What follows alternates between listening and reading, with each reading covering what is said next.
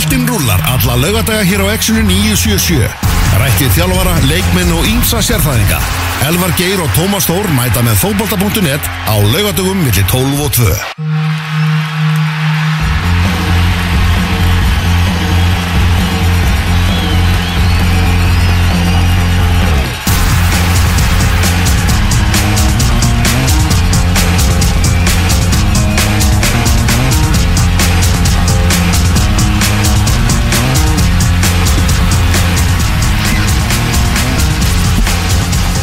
komið sálblössuð þar út á státtunni fótbolti.net sem heilsar síðasta dag aprílmánaðar 2022 Elvar Geir og Tómas Þór með ykkur til klukkan 2 í dag og við erum þetta þrýr hérna í hljóðverinu því að okkar sérfæðingur og yfirmaður fótboltamála hjá Njarðvík Rapp Markus Vilbergsson er einnig með okkur.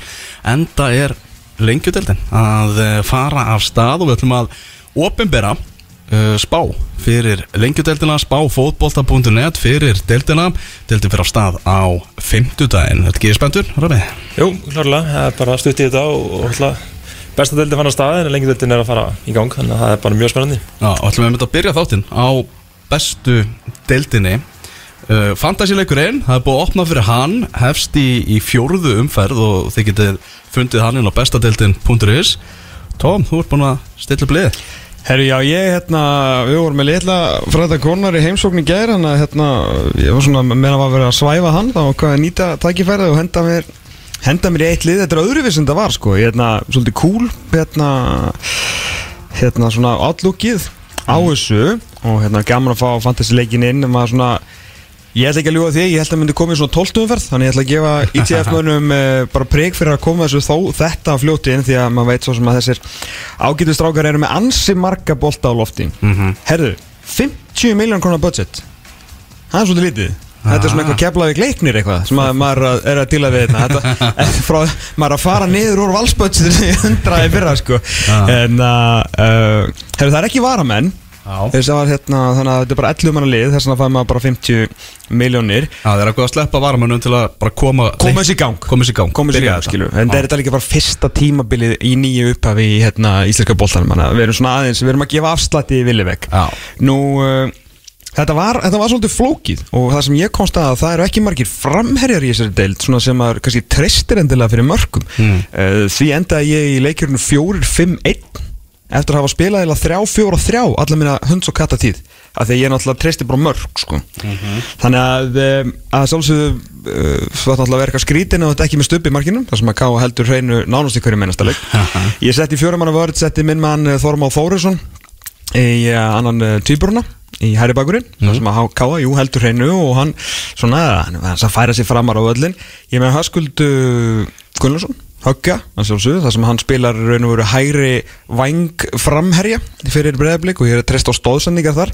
Ólafur Guðmundsson hjá FA sumulegis í liðinu þar sem að hann er búin að vera að lauma sér svolítið svona fram völlin og svo hendi ég eh, Ólaf Vali Ómarsinni, nei Ólafsinni, Ómarsinni stjórnustráknum Já. sem er búin að hérna, taka sína stöðu þarna í stjórnulinu þetta er fjóramanna varnalína mín.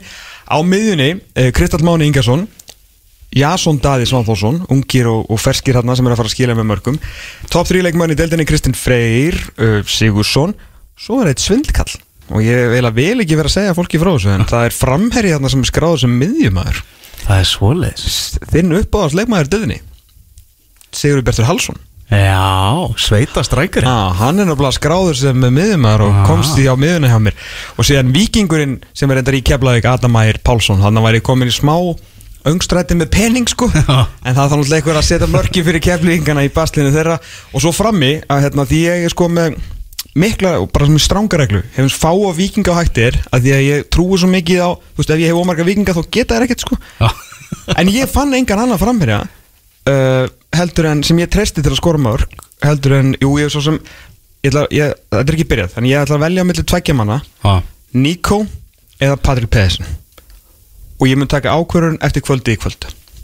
Já. að því að Nico skora á fimmtæðin mm mótur hendar ógæðslega léluliði keflaði ykkur en uh, Pall er að fara að spila í kvöld á móti mjög góðu liði káir og ef hann sýnir mér eitthvað í kvöld þá mun ég skipta Palla Pedersen inn fyrir Nico Já.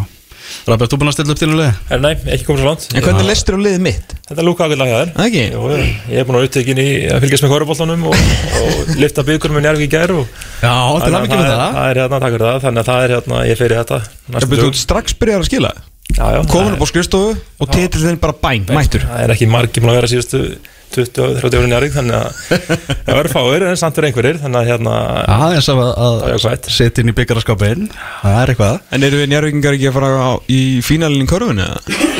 jú, það er alltaf leikur í kvöld í hérna kallabóltanum og stelpun að vera mestrar á morgun Þannig að þetta er hérna, Eru við ekki með Ottin heima? eða? eh, nei, hann úti Er hann á í síkinu?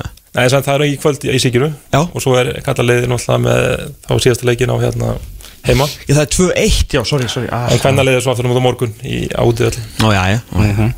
Þegar tóðum þú myndist á hann að leika á fimmtudaginn, þetta besta deildi flýgur áfram. Við erum komin í tíundu umferð. Nákvæmlega. hún hófst á á fimmtudaginn. Og Víkingur er með 6 stig eftir 10 umfyrir það er Arna Guðlundsson er komin í, í vondmál sko. Já, þessi leikur var svona stakur hérna því að vikingar eru náttúrulega að fara í umspilið fyrir mestaradeildina mm. Eur- Europe's non-elite mætast. Já, þannig að þetta eru Levadia Tallinn, Vikingur svo mestararnir frá San Marino og mestararnir frá Andorra sem að mætast þarna, það eru undanúslit og svo bara úslit um að komast í fórkjafni mestaradeildarinnar þar sem að meðal annars færiða mestararnir býða þeir fara beint inn í, inn í þessa fórkjafni meðan við þurfum að taka þátt í umspili. Jú, jú, og líka meistararnir á Gíbraltar. Já, erum, Þessum helstu knaspinu stórveldum. Við erum það neðalega En frábæra fréttir að uh, Víkingur heldur, heldur þessa, uh, þetta mót. Mm -hmm. Meistaratildin hefst á heimavelli hamingjunar Já, það er ekkit flóki, það er bara er einfallega þannig og það er ekkit ofsumsagt að leiðin til Istanbul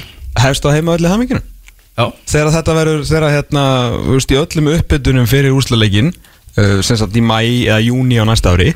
Að ef þú ætlar að, þú veist, ekki vera með einhverja sögufölsun og segja bara sína leiðina sem allir fóru, þá það ætlar að byrja í hamingunni nákvæmlega. Það er bara þannig. Heyrðu, Þetta er 21. júni eru undanúslitin og svo úrslitaleikurinn 24. júni Já, það besta við þetta var að semst Levadia Tallinn og eh, Víkingur sóttu um að fá að halda þessa, hérna, þetta for, forspil, þetta, þessa, þetta pre-qualifier og uh, það var ekki eins og ljósun hefur verið kveikt og uh, salurinn sópaður í Nýjón og náð kannski eitthvað svistanska landslismann sem að býr í næstu götu, hérna, þú veist, Pascal Superbjúler eða hérna, Philip Senderos heldur var bara kastað upp pening, uh, svisneskum franka á Teams uh, endaði með því að Víkingur valdi eh, hérna, skjaldarmarkið svisnarska skjaldarmarkið og fekk þennan fekk þessa leiki sem hann alltaf sjálfsögur hjálpa líka Víkingunum að komast áfram og þetta er ekki bara fyrir Víking, þetta er bara fyrir Evró, íslenska fótbolta í Evrópu við ætlum ekki að vera í þessu bulli að eilifu sko. mm -hmm.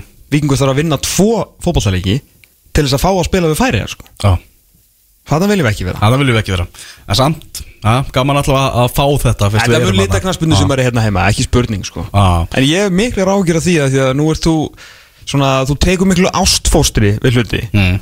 og verður ekkit vikið frá því sama hversu oft svona svolítið heimskulega þessar pælingaðinir eru Já, já. Nú er ég skítrættur um að þú sett orðin einhver drullu mikill levandi að tallinn maður eftir að farið á leikmaðum um daginn sko. Og besta liði eins besta vinna eins eða besta vinna eins eða þessum mannir svo sást eitt leikmaður um daginn Það sjálfsög held ég með vikingum Já, sko. gott. Og þessi leikur á lifandi að tali var líka svo mökk Leðilegur sem fór á sko Já, ég, En, en samt, þú ertu búin að skila skýslu til Arnars eða? Scouting report eða? já, já, það er komið, það er á borðinu hjá honum ég kann að beita þetta Já, já, við erum búin að njóstna um lifandi að talin fyrir þetta, þetta svakalega umspil Herðu, ég fór á heimavell á, á fimmtudaginn Ég líka Bjórin var kaldur, sólinn skein. Herru, hann var góður. Hann var frábær. Hann var frábær. Já, Þú veist hann góður. Hann var Og borgarinn góður, varstu búin að sjá nýja logoði fyrir hjálpastæðborgarna Það er bara að branda borgarna, sko. Ég sagði það. Það voru svundu með mert hjáltasteð borgarna sko. Og það er meira á leiðinu á grilli, sko. Það er nýja, nýja hluti vantarlegir Já, þeir voru uh, nóg að gera þarna á dælunni og Mm. það var eins gott að var sól og, og, og kaldur bjór því að fótballtaleikurinn sem búið voru upp á, hann var ekki spennandi. Og það sást eiginlega bara frá því að var flautað á að þetta er þið auðvelt verk fyrir vikinga Ég bara skal viðkynna það að Ég hef eh, á mínum pff, 30 árum eða svo að halda með knöspunni félaginu Vikingi ég held ég hef aldrei séð, allan man ég ekki eftir leik með, með svona dominans og þá er ég líka að tala um þegar við vorum kannski bestir í, í það sem heitir lengjudeldin í dag að spila á móti, jú, þú veist, mér fannst þetta nánast meiri yfirbörun heldur á móti 16-0 á móti völsungi, sko, því að það náttúrulega var bara fíblerisleikur, sko, þú veist, sem að telst ekki einu sinni með, en yfirbörunni voru óhugnalega miklir. Stöður alltaf bæða því að vikinga voru sko, fyrst, voru, ég heldur voru ekki eitthvað pirraðir eftir þetta skagataf eitthvað þannig. Þeir tók ekki eitthvað reyði með sér inn í hennar leik. Þeir voru bara á heimavelli fyrst, það var sól, grassi var bara blöytt og gott þeir gáttu spila sem bolta. Uh, þeir eru rosalega góðir í fókbalta mm -hmm. gerði fína breytingar, fengum haldásmári inn þannig að spilu úr vördninni uh, var betra, Elli var hrigalega góður Kristall náttúrulega var betri heldur en allir í keflaðíkuleginn til samans Níko kom inn hér er góð pæling, spilum bara Níko hann er rosalega góður sko, mjög góða pælingar og líka gefur vingunum option á því að þegar þessi stórfurðulega tveggja manna pressa keppliðinga kom uh, fyrir að Joey og Patrick mættu þarna á yngvar þá bara hægt að loftunum á Níko sem bara held ertnið að hverju sem var að reyna að vera í raskatun á honum uh, bara fyrir aftan sig og, og svo leggja boltan á Níko og kera fram. Ok, yfirbyrnið svakalegir. Uh, allir í vikisliðinu eru, nánast betri heldur en allir í keflaðinguliðinu og tölvert betri en það var ekki sem ég að gera þú veist, skilur bara fínt fyrir viking en ekki þess að ég sagði núna skiptir máli í því samingi að keflingar þeir bara hafðu ekki trú til að bjarga lífi sín Sá það bara á líkamstjóningunni ef að þetta var bara að rafið algjört andleysi. Já, já, og það er kannski líka að spila áttur af því að við erum alltaf búið að tala um það í tónum tíma það er mikið meðslu og allt svona einhvern veginn erfitt. Ég held sem er gífulega erfitt fyrir keflinga og leikminn keflinga að fara inn í mót það er stanslega að tala um hversu slagir þeir eru. Mm -hmm. Já, eins og þetta nefndi að Siguraka menn hann alltaf tala um það hversu mikið meðsli og, og þeir sem er slagra leikminn aðrir og þetta er ekki svona sem að þú sem leikmann vilt fá í eirun stanslust Já, við, og ég held að það sýnir sér líka þessu leikjum og svo kannski líka taktist að það er reyna að pressa og hérna og eins og segi, tveim, þreim, fjórum önnum og, og svo það fyrsta pressa er búin þá var allt galopið og, Mhm. og tengjum millir lína er náttúrulega ekki góð og, og svo líka það var þessu leikjum bæja bara alltaf viking og svo móti blíkánu það eru undir mannar miðju. Mm -hmm. og liðis að kepla ræðir illa við það og, en móti val aftur móti voru alltaf með tveikja manna miðju og móti tveikja manna miðju þannig að það kannski gekk eitthvað betur en kannski að græsi að spila þar sjálft inn í en þetta er alls ekki það sem er spennandi þessu sumari að, að fara inn í mót svona. Auðvitað er við leikir að fara í. Já, já. En þeir eru bara ekki að finna neitt takt. Já, þú veist, það er eitt sem að hérna, ég hef lært á, á hérna núna mínum 2-3 árum með, hérna, með Gilva Einarsinni að- sem spilaði náttúrulega mitt í svona svolítið hardnóst fútból og ég er ekkert að segja bestadeldir sé eitthvað hardnóst fútból en þú veist, í þessum leik bara þú veist, í stöðunni 2-0, þú veist, 3-0 þú veist, var þá 4-0 í hálfleika ekki? Víkingur skora ekki til setja á 4-0 í hálfleik. Putin að Já. bara býttu þá náttúrulega boltin er veist, er eitthvað vikingurinn með boltan svona nálægt stuðnismennu kefla ykkur þeim, þú veist, nokkurinn sem að mættu þarna og drombaðu bara eitthvað niður Já. taktu bara gulaspjöldið sko, í versta falli sínur stuðnismönnum að þeir er ekki fucking sama, sko og í besta falli kannski kveikjur aðeins á hinnum mönnum í liðinu. Bara eins og Oliver Stefánsson, Stefánsson gerða á móti Viking Einmitt, þú veist bara, hérna, og ég er ekkert að þú veist að það er ekkert að að vera að meiða fólk en það er ekki bannað að takla í fótbolta sko. En svo náttúrulega má ekki glema því að keflingarnir komust bara ekkert nálægt Já. vikingunum sko. Nei, mér stakast það að málið, hvernig ætlar að takla menn þú kemst í. Já. og þú byrja líka leiki og ætlar að fara í móti þessu stóru liðum eins og sterkur liðum eins og blikum og, og hérna viking að fara að pressa og reyna það og opna lið og, og hérna þá náttúrulega er þetta taktist með daburt og, og flókið og þannig að ef þú byrja leikina meira tilbaka og ert þéttari og fær svona trúin í lið þá getur allt gerst í að það er eitthvað sem að við keflingar hljóta að fara, að fara út úr þessu sem að vera að gera undanferðið og, og fara inn í það, finna kannski grunn, grunn í fótbolta og vera minna lið og, og spila til því. Nó, Nó mikið hefur verið að tala um hversu slagir eru sjálfur þannig að þeir hljóta að fara að vinna þannig. Já, þú sér bara, fyrst að Siggi Rækki hafi ekkit lært af, hérna, af skagaleiknum þar sem að uh, Jón Þór bara setur boltan hérna, bara með fokker frensi bara upp í lofti hvert einasta sinn og þeir bara taka ekki þátt í að spila knaspinu við, við vikingsliði boltin er bara hátt og hátt og hátt og langt og berjast á skæinu og eitthvað. Uh, skilaði sér einhverjum þeim þreim mörgum úr, úr förstum leikandriðum og meðan að vikingandi voru eitthvað að reyna að rúla þarna boltanum og svona létt sögufölsjúra skamenn hafa nú verið betri í þessum leik sko, þeir voru bara betri í því sem að þeir gerðu. En þú veist, vissulega, heldur hreinu og bara, veist, gerðu þetta vel með að bara vera harðir, verja markið sitt og reyna að nýta þú veist fyrstleikandrið og vera ekki í hverju svona, svona bullshit pressu á móti þessu vikingslið, þú veist, var Siggi ekki að horfa sinn fyrsta leik með vikinga þú veist, á heimavelli, á gerfugrasinu með, þú veist, Ella, Kristall, Júlla bara alla hérna í, í fantaformi og, og, og breyta aldrei. Þú veist, þú komið 2-0 undir og 3-0 undir Hvað ætlar það að fara að pressa herra og meira? En við ætlum alltaf gífilega mun að spila úst, í að vikingur vikingur keflaðik munum alltaf sá, úst, grasi alltaf skipta miklu mál hérna Mm. og að spila fótbolta á grasi á skagarum í dag eða á vikingsvellina, það er mikil munur líka. Algjörlega. Þannig að súpareyta kannski skiptir mig líka miklu máli en, en í grunnir samt sem á þar nú alltaf að huga að hvernig allir verður að ná út eitthvað út úr lið, hvernig allir að koma sjálfstyrstinn í lið það er jú meittileik maður vanta fann að vanta sindra það munar miklu á miðuna Mhm. og svo vanta alltaf úkrænumanni sem er vist mjög öflugur og ég sé hann á æfingu og hann kemur mjög vel út, hann er Ok. ekkert ægilega hraður, það er spurning hvernig yfirferðin er hann er geggjær í fótbolta Mm. þannig að það er einhvað sem að hérna ef hann fær atvinnuleifi og hann þessi fyrst og þá er náttúrulega ættin að styrkja lið ákveðin hátt Mhm. með gæðum að minnstakosti en það er spurning með yfirferðina Já. Ég mér er alveg sama hver kemur inn að kepla ætlar að spila svona sko Ef þú ætlar ekki að tækla mann og þú ætlar ekki að vinna bolta og þú ætlar að spila þessa pressu á múti liðin sem að kunna eitthvað smá í fótbolta Þú veist, þá getur Jésús Kristur verið inn á miðinu þegar ekki verið að vinna fótboltaleik sko. Já, já, en samt Það er þú fær náttúrulega inn í lið, fær natsjónu lið, natsjónu náttúrulega líka, ef hann kemur sem dæmi hvað sem hann dettur í, hvort sem það er hafsendið að bakvörð og, og svo þú komið þess að stráka allar inn á, á miðina uh, en þeir þurfa alltaf að finna meira takt líka fram á já Gips og hérna, Patrik og hérna, og þeir náttúrulega er ekki að vinna saman varnarlega niður sóknarlega. Nei. og það er einhvers sem það er líka að finna lausn á, Adam náttúrulega er ekki mikið varnarmæður, þannig að þú veist, þú ert kannski með þrjá, fjóra svindkalla í dag varnarlega. Sem mátt bara ekkert við. Mátt ekki við því þannig að þetta er svona þetta er svona margir þættir sem hægt er að breyta en að fyrst og síðast þurfa menn að fá trú á verkefnin Já, það, það með staðið mitt góða punktur. Þið þurfa hægt að bara tala tala sér sjálfi niður sko. Já, algjörlega, það er, er, er stór furðulegt og greiði sikir ekki sem að svona oft segir einn og einn hlut sem við hérna, veist, talking heads hengjum okkur á, en hann er samt rosalega góður í að skilja eftir einhverju svona skrítnar setningar í höfðunum fólki. Og það er breytið, veist, þetta er bara setning. Við erum bara með minni gæði en önnur lið segir hann bara þremur dögum fyrir fyrsta leik. Já. eða fyrir mót, mm. byrjaði ekki sundi þremur fjórum dögum fyrir mót.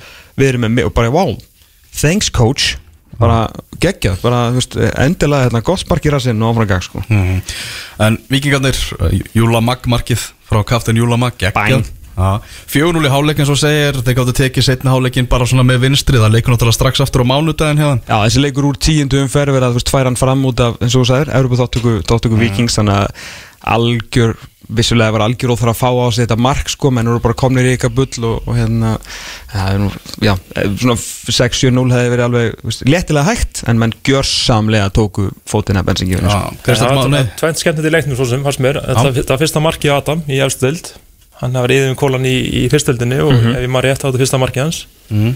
og svo náttúrulega þótt það er ekki skemmtilegt að sindin náttúrulega meðist, alls ekki og, og náttúrulega hann klára sem fyrst að hérna að sjá náttúrulega Rúna koma í markið strákur sem byrja að æfa fótbolta eða sem markmaður 2010 Mm. 36 ára í dag, hvað er það 24 ára gammal þá þannig að þá byrjaði hann fyrst að setja sig hanska. Mm -hmm. og var náttúrulega bara lengi að komast í þetta þennan stað að vera í svona full fit og tilbúin í svona alvöru bolta þannig að það er mjög gaman að sjá hvernig hann hefur náða að byggja sem veril og, og eru komin þarna. Og það fá ekki að maður fá leiki. Já, nákvæmlega. Kristall Máni, geggjaður Já, þú veist, þeir hefðu bara ekkert inn á sama völl og hann að gera þessu leik, hann var alveg gjörlega frábær, sko. mm -hmm. Djúvöllin er góður.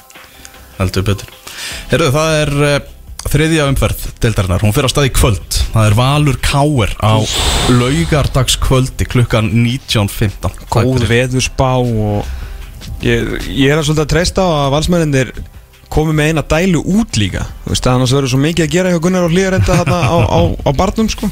ah, þetta, þetta gæti orðið alvöru hvað eru að fá marga á völlinu kvöld?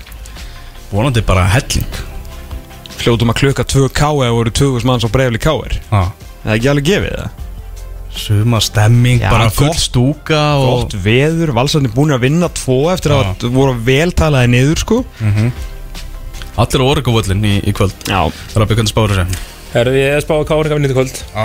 Ég með hefist hérna valsan ekki verið samfærandi en þeir eru samt sem voru að gera kannski sem menn svona óskuð eftir ákveðin hátt að, að orða þannig að hérna, þeir myndu taka sigra í send, eins og þess að sigra á mótið í Keflavík og hvað er ekki eða ekki? Já. það er svona rétt merja sér lið ná því en ég held samt að káringa komi í kvöld og taki sigur. Það var náttúrulega í fyrra, þá voru allir að tala um það svona valsmenn byrjuðu þetta að kreista fram úslit og var alltaf að tala um það að þeir hljóta dett í gang fór þetta í hináttina mitt þannig að fróða að sjá hvernig, hvernig Það þessu. Er ekki mikið búið að þessi móti en þetta er samt alveg svona leikur spurning og svara í, í kvöld sko. og farið hérna, gáringarnir voru verulega upplöður í fyrirháleika móti, móti breiðabliki uh, þráttur að uh, sá var Óskar Rafn ekki á hliðlinni í fyrirháleika Nei, held ekki. Það er smist hann að fyrirháleika Það var bara blikar, bara tóku sér saman og bara glemdu fyrir áleik það var þetta ákveðis pælingi af því að þeir náttúrulega gáttu ekkert. En hérna, en undir það leikur þetta mjög vel og svona flott hvernig ná, ná að klára það. En káringarnir voru góður, ég er svona smá ágjur af setniháleiknum hérna fyrir að horfa aðeins tilbaka og hvernig þeir svona kom inn í þennan leik því að þeir voru verulega bensinlausir í, í setniháleiknum snýðist ekkit bara um að blikarnir svona tóku þeir voru góður í setni gerðu allt sem þeir þurftu að gera en þetta verður svona tvö svolítið svona eldri lið og Kjartan Henry komin úr banni. Á, Það er eitthvað.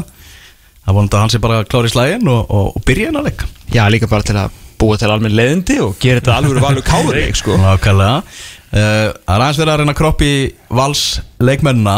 Almar Ormarsson orðaði við, við fram og svo er Siggi Lár náttúrulega var utan hóps bara í síðustu umferð Hann er svona nýjasti maðurinn á, á heimis gabastokkin Alltaf svona einn og einn sem bara svona á bekkin, út úr hóp og í burtu. Mm Já, það er, það ótrúlegt. Ég held að hérna Það verður svona fróðald að sjá hvað hann hérna, hvað heimir og mikið inni, hvað þetta verða. Því að Siggi er náttúrulega, þó hann sé vikingur í húð og hár Þá er náttúrulega fjölskyldarnas royalty í val og Siggi er náttúrulega búin að eiga væga sagt góð ár uh, á hliðarenda. Þannig að þegar hann svona ítir honum út. Það verður fróðald að sjá hvernig, hvernig það verður En það fer eitt um meðli mála og verður að gefa Bergi og þeim sem að eiga þetta fótboltalið mikið kredi fyrir það hvað eru búin að gefa heimi bara hérna, algjörlega bara hvað var að segja ekki, ekki frýtt spil bara tröst til þess að endur byggja hóp sko. og ef að uh, hluta af því er að láta Sigur Egil Lárasson fara þá verður maður bara að standa og falla með því. Það er 60 að leikur strax í þriðju umferð í Vestmanni Ég er að fara að skella mér í Herjólf Íbjöfaf leiknir, tvö lið sem hafa byrjað þetta mót illa, mjög illa. Já, ég er svo sem búið sagði þér á, á fimmtaginn hvað með finnst um þess að byrjun og ég er mjög ósáttu við ykkur leiknismenn. Já, uh, Það er að því að þeir láta mig lítið út þessu fíbl sko. Mhm. hérna, búin að hafa búin að njóta þess að horfa á leiknislið á undirbúinistímbilinu Já. með eitthvað 3,3 mörka meðaltæri leik.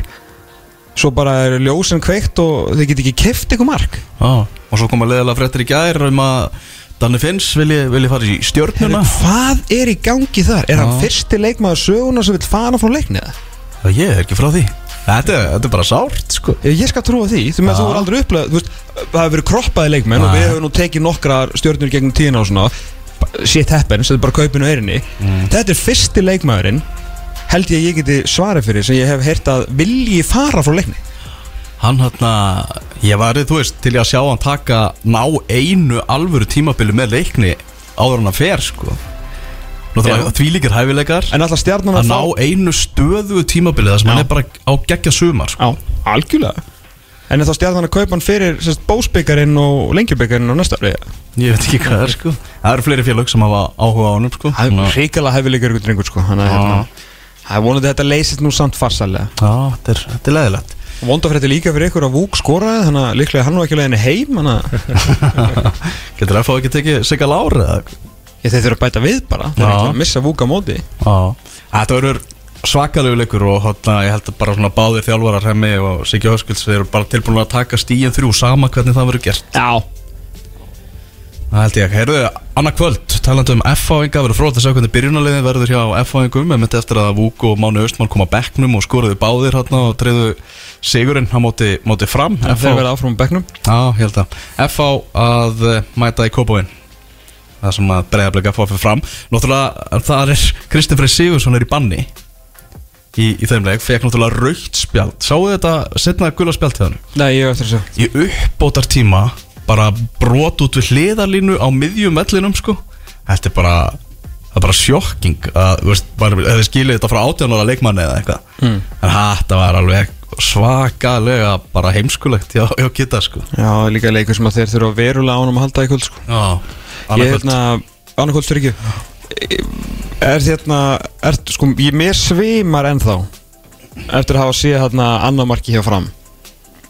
Ertu nú, þú komin töluvert lengra í fótboltafræðanum heldur en ég er að við Þegar þeir stigu út þarna þegar það kom fyrirgjöf Því ég, einhvern veginn svona, ég hef hort á nokkar fótboltalíki og þá er vörðn ofta að stíga út þegar það koma svona stungusending og svona sending yfir. Það er svona eitthvað rángstöðu gildran þú veist lýsandinn segja það alltaf. Já, já.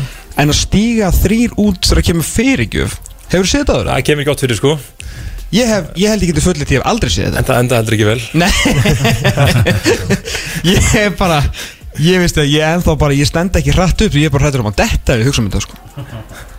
Já, breyðablik að fá Þetta eru tveir alveg Tveir svona reysaleikir Þetta er bara svakalega umferð. Káa keflaði ykkur á mánudagskvöldið Fram Ía Og Víkingur Stjarnan. Þetta er geðvig umferð sko. Já, Ég held að breyðablik Ég held að rústi að fá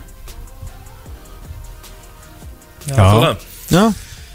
Að spáði þetta IBF leiknir Ég held að leiknins með komið þarna og tækið sigur. Vonaðu að það verið rétt fyrir Ég held að, veri, ég held að IBF taka ekki sigur alltaf, næri jætteflunum þá en ég held að leiknins menn við ætlum að kannski spáðu líka mann alltaf fannst það fyrir móta þegar eru öflugir. Og svona byrjunni kannski að tapa núna á í eigum líka og vona allt annað. Það kannski er ekki svona sem að menn ætlir sér langt frá því. Ég og menn tala um að þeir sé sterkarinn í fyrra og, og konið nær því að fara að gera eitthvað. Mm. og þá hérna, en auðvitað er þetta flókið að fara inn í annan tíðanbíl Mm -hmm. Og hérna og oft svona ídrættu mönnu er ángar áttir en hérna ég held að ég held að leiknum tekja sigur á morgun. Breyðablik að fá ég held að blikan tekja sigur, ég er sammála tóma því en ég held að það er ekki engin stór sigur undan en ég held að það veri markalegur. Já, ég held, ég held að vera afskaplega þærlegt Bara FO er einhvern veginn ennþá að finna út úr þessu vartanleik sínum og, þetta, ég held, að- og þeir eru pyrraði líka Pétur við að hjálpa okkur að vinna titilni fyrir og svona ég held að sé eitthvað ég held að en það fer aðeins eftir hvernig ef tökum bara svona eins og menn er að tala um að meðslefana þá fer eftir hverju dettinn og það er hvort að þeir komast að fætu sindri og, og hérna markmaður og, og hérna og Fransi sem náttúrulega meitist upp yfir síðast og ef þeir eru í lagi þá er meira líkur en ég held að vera askal værjuleikur fyrir keflingingara Einn. Ég held að, Fram Ía ég held að framar komið sigur. Já Ég held að hérna að þeir komið hérna með skæði náttúrulega frábæleik síðast en ég held að framæli framæli komin inn í leik og tæki óvönda sigur. Slái bara bæjarfélagi niður á jörðina. Já. Ég veit, Hvernig er að vinna það? Ég held að það get alveg, þetta er leikust ef þið farið í leik bara og spila bara á móti skæðinu eins og skæðin spilar og hérna taka vel á móti þeim þá held ég að sé allt hægt og framæli geta það alveg. Mm. mm. fínasta fótboltamenn og ef við ná að tengja saman vörnina og tengja saman liðið og spila heila leik í, á krafti þá er það sé möguleiki. Mm. Víkingur Stjarnan Ég held að vikingarnir séu bara að það upplöfur í dag að stoppið á lítið þótt að það bóði skaganum þá hérna held ég að þetta ekki halda áfram að byggja á sinn leik. Mm Já, þetta er, er mjög svo Savarík umferð. Já, En ef við ekki að fara að vinda okkur bara í lengju Deildina hérna Það held Eftir- ég. Það held ég, tökum okkur smá hlið Svo er það bara lengju spáin Hvorki meðnum minna, ætlum að skoða öll tólf lið Deildarinnar, deildin hefst á 50 daginn held ég eru að hlusta á útastáttinfóbalti.net Hér á X977 uh, Það er um bast uh, bref Það er Hún er bæðinum að minna á uh, sameila uppbytun stuðningsmanna beggja liða hjá Fram og Ía sem verður í snókar og, og púl lágmúla 5 fyrir, fyrir leikin þannig að það eru, eru að saminast þarna stuðningsmenn Ía og Fram fyrir þennan leik og við erum alltaf ánægð með það þegar menn er að gera alveg umgjörð úr þessu og búa til, búa til eitthvað svona gleði partí Já er ekki telgett hjá hérna blikunum á morgun? Jú, þeir eru með telgett Já. að það er, er gleði í þessu. Menn er að reyna, gera eitthvað skemmtilegt. Setna áleikur nýfarnar staðileik Newcastle og Liverpool hátæðisleiknum og þar leiðir Liverpool 1-0 það sem að Nabi Keita skoraði í fyrri háleik uh, En uh, Miki Almirón skoraði síðan fyrir Newcastle uh, eftir mikið harfylgi en var dæmdur réttilega rangstæður. Mm Fróðilegt að sjá hvort að Newcastle ná að jafna og, og reynast eitthvað banna hýði fyrir Liverpool menn, mann setja sitt í á leik setna í dag á móti Leeds á, á Elland Road. En við ætlum að fara að vinda okkur yfir í lengju deildina sjálfa. Uh, hún hefst á 50 daginn og það er búið að reikna saman spána hvernig, hvernig hún er. Spá fótbolta.net, sérfræðingafótbolta.net fyrir þessa deild. Og við erum nú allir þrýr hérna við, við þetta ringborð Elvar Geir, Tómas Þór og Raff Markus allir í þessum spáhópi það var ekkert léttverk að, að setja saman þessa spá. Nei, alls ekki, þetta er mjög hérna flókja margan hátt, við erum með náttúrulega ákveðin lið sem spáum upp og teljum okkur nokkuð svona sáttu við það en, og í botnum líka en miðjan er mjög stór hjá okkur hérna.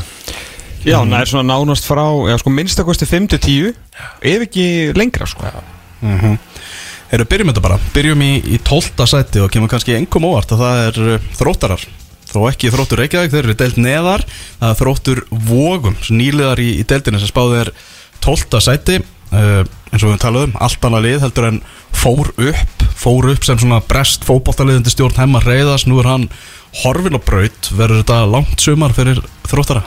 Ég held að það er skemmt þetta sumar líka en minna það er spennandi að komast upp og, og hafa verið að berjast náttúrulega bara í neðstu deildum og mm. allan tíma og konir upp á þennan stað en ég held samt sem áður að þetta verði mjög flókið og mér finnst þrótturinn hafa verið og heyrta því að það eru svo margan hátt er hérna uh, það er búið að vera hérna einhvern veginn svona svo áttur í mönnu kringumunda og menn sem að við kannski hefur verið að rósa síðust ár hafa ekki ná kannski taktið með mönnu kringum sig þannig að Þannig að eins og menn sé ekki alveg klárir í þennan barda sem er, er fyrstild og það er vond og að skipta að missa hemma út er líka vond en fangur endar hörku þjálfara með binna gest með honum mm. sem aðstofþjálfara eða allan í kringum liði og þá náttúrulega er það eitthvað sem er mjög stert teimi en, en svona ég held að sé margt í liðinu sem er flókið og, og þeir leikmenn sem þeir fengi inn hafa líka verið eru svona margi jókir í liðinu það er erfitt að pústa liðinu saman með markmann í markinu rafald sem að getur gert helviti vel, en getur líka verið mistækur Mm. og á sama tími hérna búin að vera með glímað höfuðok í, í vettur og, en hérna en ég held að svona tengja saman vörn og sókn í þessu liði verið flókið og, og ég held að þeir svarna með sem þetta er staðir í liðinu kannski passi ekki alveg með þeim mönnum sem er framhauð en það er svona verður fróðald að sjá hvernig það verður. Það er bara mækin aðeins en uh, nærðir er að meina að þegar þú snýð headphone-unum í mækina þá hérna kemur suð er allt í vesinn? Nei, nei, nei, þetta er bara, það er góður svona sko. Eh, Hérna, sko, það er nefnilega svolítið leiðilegt að þú veist, við erum búin að vinna svo hrikalega góð starðarna í, í vóunum komnur upp í næst efstu deild eitthvað sem að menn, ég veit ekki örgulega kannski bara einn maður trúði, einn til uh, tveir. Og síðan kemur, þú veist, bara liðið er kemur bara upp á öðrum forsendum heldur en að þú veist, er í gangi núna. Og það er svona gæti, gæti, orðið, gæti, gæti þetta ekki alveg orðið bara frekar ljótt sem að það Jú, sko einu segi, menn ætla sér hluti og við langar og eins og þú nefndið tvo menn, þetta er líka að tala um Matta og Gunna mm -hmm. sem hafa náttúrulega haft bullandi trú á, á því að koma þessu félagi upp í þennan stað og, en það er sem með kannski svona svíður aðeins svona þeir sem að mann er heyrt í kringum þetta að það sé ekki búin að fylgja eftir svona þeim mikla metna sem hefur síðust ár og menn sé ekki ná að tengja saman þessi ár frá fyrra og í ár mm.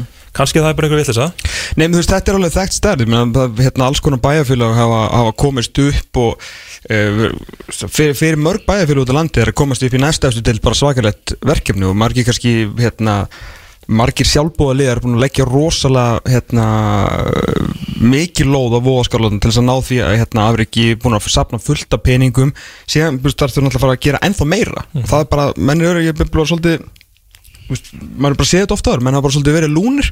Þeir eru loksins komast upp í næstu delt og það áttaði sig ekki á því að getumurinn er svo ævintýralegur að það fer bara illa. Já, já, og það er synd. Það er synd. En hérna, það er- náttúrulega í grunninn að halda alla miskur sama standard en að, að missa hérna, hemma náttúrulega er stórt en eður að koma inn skil, skilst mér bara nokkuð vel.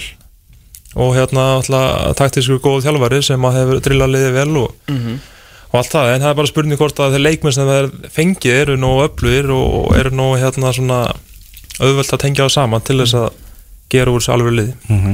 Sko þróttu voðum er að fá 6 stig í, í þessari spá hjá okkur. Uh, Kávaf sem að einnig er spáð falli er að fá 13 stig sem er kannski svona að segja svo tritt að menn hafa ekkit mikla trú á því að þróttu voðum sé að fara næli í mörg stig í samar En ef, ef ég reikna rétt þá er, þá er hún allir sem hafa spáðum, spáðum hérna Næsta neðsta seti Já.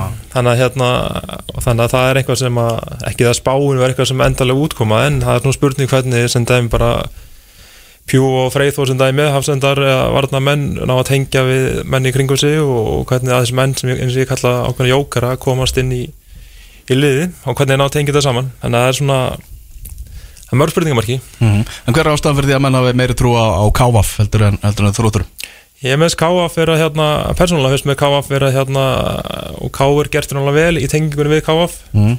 Uh, þeir náttúrulega er að mynda hérna bara góða tengingu frá Rúnari og hérna og niður þannig að það er einhvern veginn allir hérna svona tengdir hvernig á hérna veist, hvernig Sigurvan er að vinna sem aðstofnulari með Rúnari og niður í KF og hans þarna á milli öðruflóknum Mhm. og sem með hérna Sigurvan í hérna í KF líka þannig að einhvern veginn svona tengingin er góð og það náður svona tengja liðið bara beint og þannig eru líka margir í KF liðinu sem hafa spilað lengi með liðinu og er á góðum aldri líka.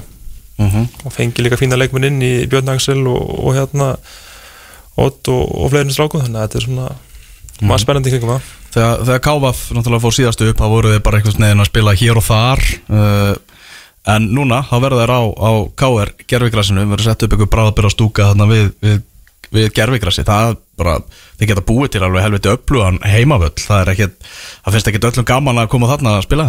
Nei, nei, ég held að sé bara svipar heimavöllur og kannski fram hefur verið að spila með og, og, og hérna ákveðinu kórdrengi líka á fleiri þannig að þetta er svona svipað bara umgjör að margan hátt og, en ég held að þessi tengingu við káir og, gera þetta enn faglegra og annað þannig að þá held ég að sé svona nokkuð gott og hópun er bara nokkuð sterkur og ég held að sé bara hérna og, bara svipað þess að það er að gera. En er, er deildið þannig rafbi núna sko að því að maður ætla að reyna í lengstölu að forðast að segja hérna allt og ofta að þetta sé ekki sterkasta lengjudeld sem við séð og mögulega svo slækasta skilur við bara komum því frá allan í, í byli ef að knastbundu fyrir að Vesturbæður ætlar einhvern veginn að halda sér í þessari deild það hlýtur þá að vera í ár Það er alltaf erfitt að meta melli ára hversu góða deildir eru. Mm. en Það er þetta mjög öðvöld núna, hún er ekki, ekki sérstaklega góð sko. Ég held að þú sagt að sviparinn er í fyrra sko. En hérna, það er spurning hvernig það er en það er alltaf, við erum með öllið hérna fyrir ofan sem fyrir allir eftir að hérna, sem mögulega getur dotti neðar en, og, en það er svona bara já, það er möguleiki fyrir þess að liða að halda þessu uppi. Mm. Það er rosaleg byrjun já, þegar sko. Fylki, háka og kórtan ekki fyrstu þrejum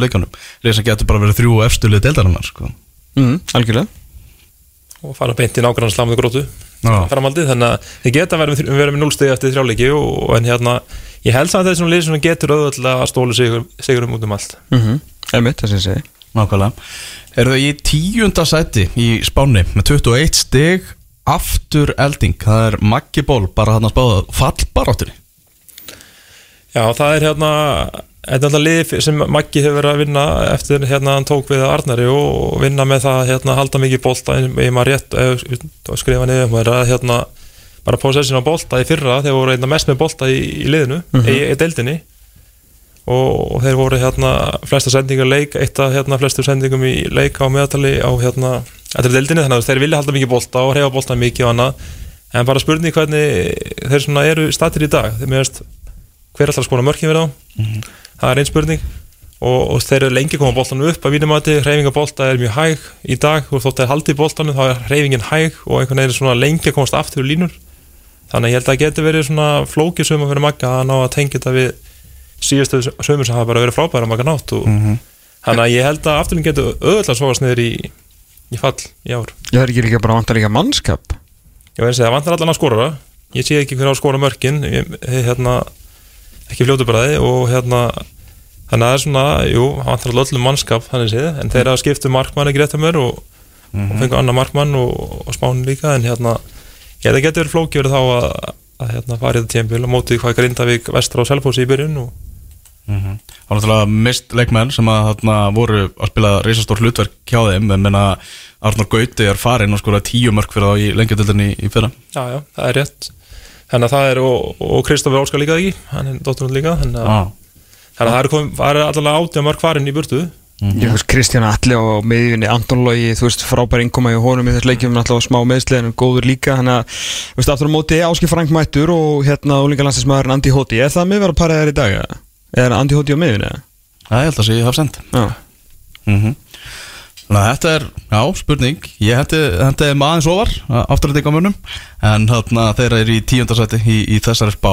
Níundasæti er síðan gróta það er gróta ekki mikið verið í umræðinu svona í, í vetur. Nei, og svona yfir höfuð er oft hann að er síðast ár, þóttu gróta að vera á þessu flakki frá annar upp í fyrst efstu delt og, og niður aftur að það er einhvern ekki verið mikið oft svona undir aðdöfnum. Mm -hmm. Og það er náttúrulega Kristofur tekið við hann var aðstæður í fyrra og, hann tekur við þarna hjá grótunni og það var mikil, mikil, mikil áherslu á það að halda honum áfram ungu þjálfari, 28 ára gamall og, og það er eitthvað sem ennum spennandi haldið hann, það er hérna taktísku þjálfari sem að skýra sín, mér skilst að fyrstu vikunar og mánuður hafi verið frekar þungir hjá þeim en hann sem er leikmenn í dag sem vilja, vilja hérna bara eh, spila fyrir hans hönd og, og fara eftir sem hann segir og, og, hérna, og það er náttúrulega mjög jákvæmt hann náttúrulega vill spila haldi bólta hann vill fara þessum svipulega grótt hann hefur að gera því og haldi bólta og, sækja hatt og, allt það. Er bara spurning hvernig hérna en ég held að spáin sé svo nála til þessum verður að gróta er með kannski með mannskapanna og hvað er dóttu út og þá verður hérna þessu bíli mm Þeirra markmið er það ekki bara að sigla leikna sjó, vera ekki neinni fallættu og bara taka sín stig svona jamt og þjátt yfir sumarið? Já, allan er Kristóf ráðinn til þess að byggja við lið og, og þá lítið að vera hugsun vera svo að byggja við lið til lengri tíma og, og halda áfram að gera gróttu bara gildandi í, í, í fyrstu deild að minnstakosti og, og honandi kannski komast eitthvað aftur upp en, en fyrst og síðast að vera á þessu stað. Mm Í áttundasæti í spánu eru, eru selfisingar uh, Selfisingar endur í áttundasæti í, í fyrra en þetta bara þeirra sæti Þeir geta auðvitað að fara úr, mínu veldi, en geta líka að fara í hináttina, en það er svona, eins og við náttúrulega vitum og vita flestir að frábæra aðstæða á Selfossi og gífulega gaman að koma hanga og sjá náttúrulega bara það hversu mikið lagt er írættastarfi á, í, í þessum, í, á Selfossi, þannig að, en ég held svona, uh, það hefur verið lagað áherslu að það að nýta mikið og nota Selfossinga Mhm. og fá svo sterka leikmenn með, eins og bara Garni Martin og, og hérna núna Gonzalo og, og fleiri leikmenn og fengur hann eitt frá færum hérna þannig að hérna frá B68 tóftum held ég að leiði þetta. Hérna, en það er hérna, þeir hafa verið að búa til gott lið og ég sá það um daginn spila og spila góðan bolta og taktíska bolta þannig að ég held að það getur verið gaman að fylgjast með þeim í sumar og, en náttúrulega samt, svona bara esku bolti. Já, sem að Gary Martin er, er, er ánað með þeir eru bara áfram að fara að treysta og mörgjum frá honum Já, og þurfa að gera það og, og hann þarf að skora enn, enn meirinni fyrra og, og vera meira á tánum þannig að til þess að hérna til að gera enn betur. En þeir náttúrulega eru með líka Gonzalo upp á topp og líka hérna tókist líka ekki? Þannig að þeir stættir hörku framlína, Já, ekkert gefið þar. Nei, það er ekkert gefið þar. Þannig að Gary Martin með 13 mörg í, í fyrra í deildinni og, og býstu við fleiri mörgum frá honum? Ég held að verði að fá meira frá honum. Já, þótt að kannski ósængjant að skora meira það en ég held að bara í, í liðið svo selfhósi sem að Gary er aðalmaðurinn og ég held að hann nýbúin að semja til nokkra ára þannig að ég held að þeir ætla sér að byggja líka í kringum hann og þannig ég held að hann geta alveg auðvitað að skora meira Er Gary Martin bara orðin sáttur allt í hennu? já veistu það. Þú veist bara svona, bara líð vel og Það er að fíla nýja Þú miðbæðin hann er ekki búin að setja inn en það er leðilegt fyrir hann að það er búin að breyta nafninu á deildinni úr Pepsi Max því að hann alltaf var mjög dölur að senda alltaf svona mynd af Pepsi flösku. Já, Láta minna vita að hann ætlaði ekki að vera áfram í lengi deildinni en nú er alltaf erfitt fyrir hann ef maður kannski taki mynd af einu setti eða eitthvað En Já, þú veist hann virka bara, þú veist eins og segir, bara nýr samningur og, og sáttugar í Martinu, ég held að tölver þægilegri viðregna sko. Já, já, en bara kemur hann óvart hann er einhvern veginn sáttur, hann er síðan. Algjörlega, en, En það virðist vera það, en það er sama með selvlýsingar eins og nokkur lið að, smá bras hefur verið á Stefán í að sambandi við fekk hérna heilaristing. Hann ætti að vera klárin fyrsta leik í markinu þannig að en það er eitthvað sem að skipti mála að byrja með sinn markmann í upphæðu tímanbælis en það er hérna alls konar leikmenn eins og bara þetta með Jón Vigni sem er mjög öflur ungu leikmaður, miðjumæður góður á bolta, þannig að það er gaman að það er svona gaman að fylgja um Selfoss og þeirra þróun hvernig þeir setja sinn hóp saman Hvað er best case scenario fyrir Selfoss? Ég held að það sé bara nokkur sæti orð, ekki mikið orðandi Nei, Er ekki að fara í topporðu nei, Nei. ok En núna erum við komin sko bara í algjöran hrærigraut eða í þessari deild. Ég var hérna, það var mjög erfitt að púsla þessu, þessu svæði saman, öllu saman. Eh, Grindavík er í sjöönda sæti í Spáni Sama sæti og þeir endu í fyrra. Og það var náttúrulega gríðarlegt vonbreiða tímabil fyrir Grindvíkinga. Rafi, þú veist allt um þetta lið Hvernig, hvernig leita Grindvíkingar út fyrir tímabilið? Sko mér finnst hérna, mér finnst þetta hrærigröðurinn byrja aðeins, aðeins fyrr sko Já, heldur en í sjönda sæti að Selfoss getur þess að vera hérna líka í ykkurum Grindvíkingana er náttúrulega með þeim alla sem þjálfvara þá er þetta gífilega spennandi lið fyrst mér. Og ég held að ráningi á honum hafi verið mjög snjölljáðum og, og spennandi. Þannig að færu einstakleika inn sem að menna mikla trú á í Grindavík og, og menn hérna svona tilbúin held ég að gera margt fyrir hann til þess að liðina árangri hvort sem er þess ára næsta ári eða, eða síðar. Af hverju? Þetta er bara svona einstaklingur sem að vel liðin í Grindavík Ok. og, hefur hérna svona auðvöld að flikja sér bakvið. Og ég held að það er einhver sem Grindavík líka þurft að halda. Já. Að fá einstakling sem að hérna þeir svona svipað með Óla Stefán sín tíma. Mm að hérna það er auðvöldra fyrir að, að fá allt í Grindavík með Grindvíking sem þjálfar heldur en Að koma. að koma mann, þannig að ég held að það sé einhver sem að Hvað, voru tveir byggarústa leikir ekki með Selfoss í Karnaboltanum? Já, og gerir náttúrulega vel með ægi líka. Já, ægi líka, já. Þannig að hann hérna En þjálfur eitt og sér gerir ekki kraftaverk einn og sér en hérna, það er verið að æfa hérna á aukala á mótnana og það er verið að gera alls konar hluti sem að kannski hafa ekki verið gerðir alltaf. Nei, en þetta er svona stóra breykið hans, Alfreðs. Já, klárlega. Já.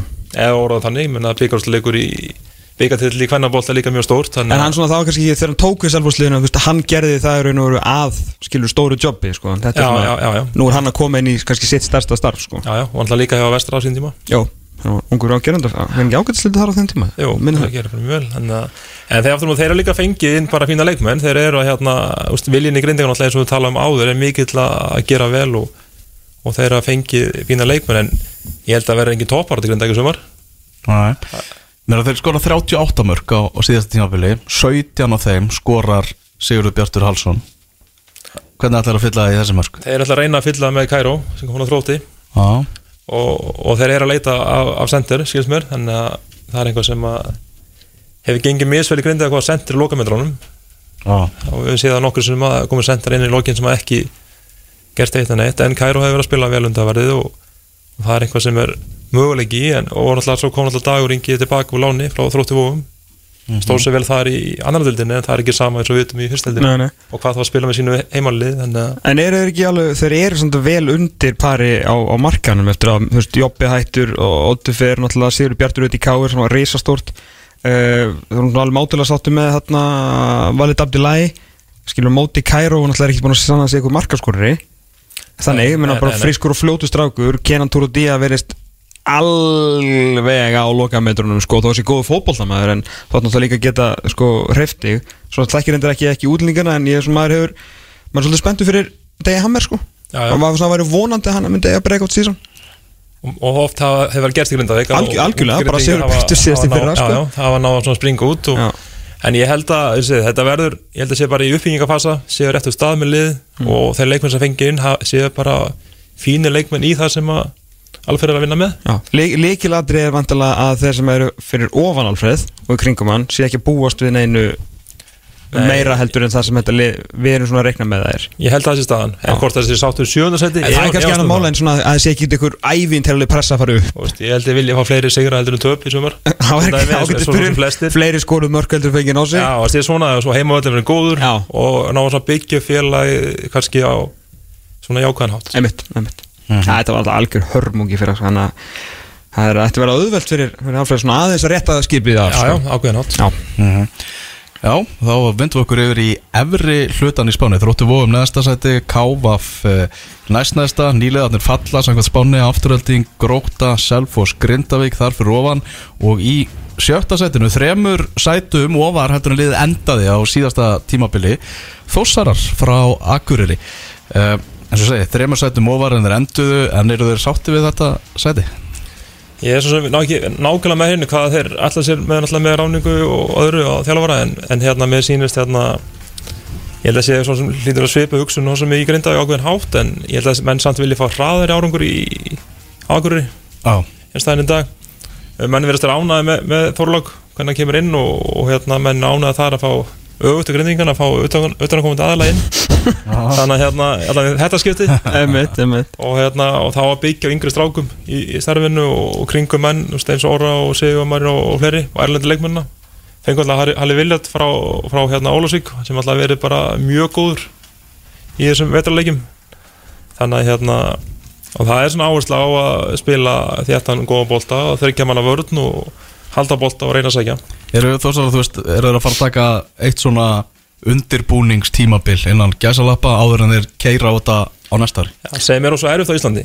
Að það er einhvern veginn, við þekkjum það líka það er eitthvað erfitt að vera úst, að býða eitthvað lengi, þetta er hljóma alltaf auðvitað sem við tala um undan síðustu mínútur en það er samt einhvern veginn svona liðs að Þóri er búin að vera í brasi og er bara verið niður á við sísta ár. Að þeir hljóta vilja komast þá aftur í hináttina en ég held að þeir allir sér að hérna, með því að nota akureyring og menn á svæðinu og þá hérna og pluss erlenda leikmenn þá hérna hljóta að vera einhver uppbygginga fasa en, en nú spurning hvernig það mun ganga. Sko þeir sem að, uh, þeir þjálfarar sem að spila við Þór og þá sérstaklega eitt leikmann á, á Prísisson það er uh, einróma álit að Vu já, sé besti leikmann í þessari deild Mhm. áður en að það sé búið að sparka í bolta að þetta sé bara að Láki hefði tekið bara eitthvað svindl símdal hérna austu fyrir fjall og fjöll nýtt sér sambund sín hérna frá, frá Hong Kong og tekið með sér eitthvað bara ævind, veist, bara við erum að tala um alveg high-end þjálfarar á prísi sem var að tala um að þetta sé bara besti leikmann sem þeir hefur séð í, í lengjuröldlega í langa tíma. Og ef, úst, ef það er þannig og með, með hérna Viljard með sér sem er líka mjög góð leikmaður. mjög öflugur og gert mjög, mjög gott á Ólasvík þá hérna þá náttúrulega er ímestað í bóði fram á við. Mm.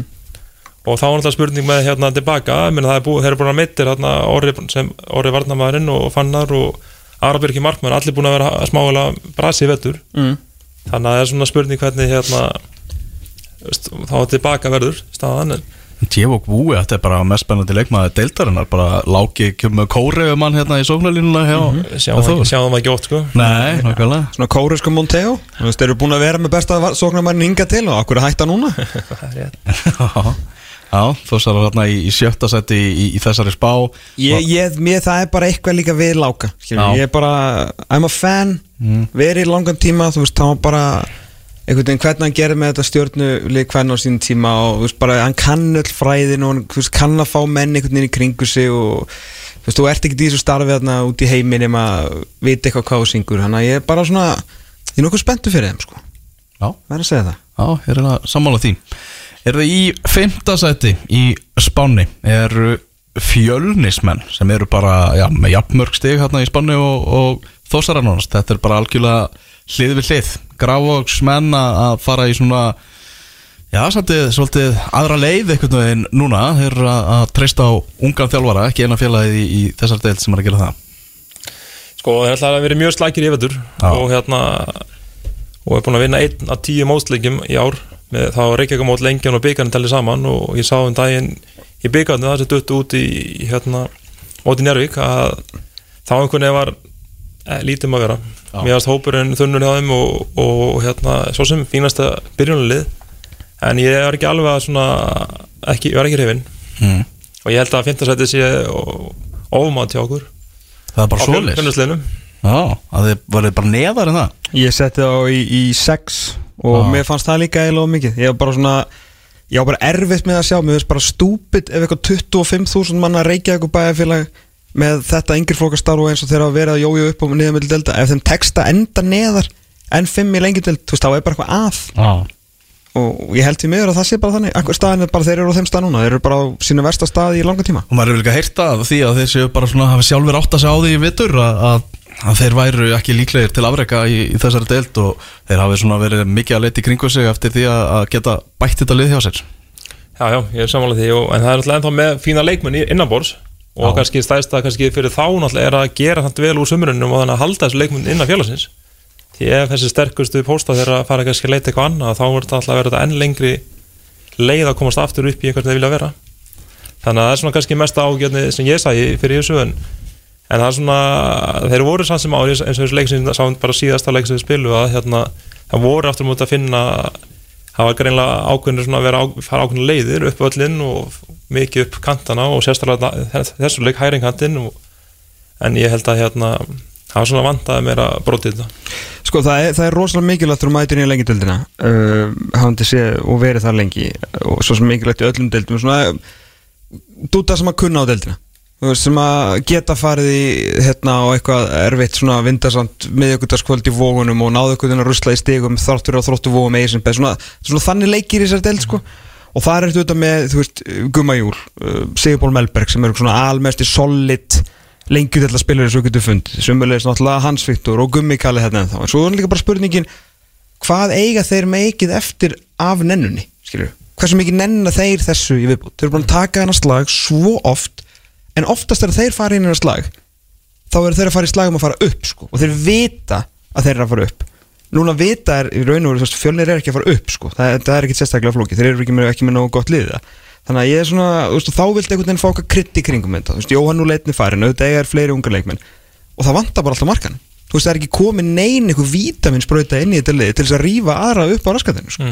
og það er það sem ég er mestar ágjafum fjölni að þeir mjög geti jafnvel farið neðar heldur en ofar sko. Það er möguleik, það getur líka svona sem koma gróvart og fara að ofar sjálfsög, ég meina það þú er veist, tak, taka hann að sikkur bakvörðin það gæti verið regningalust suma sko. Það gæti alveg já taka það enska bakvörð og, og, og hérna svo taka þér Reyni Haraldsson í sikkur bakvörðina þannig að það er einhver sem var greinlega sótt í.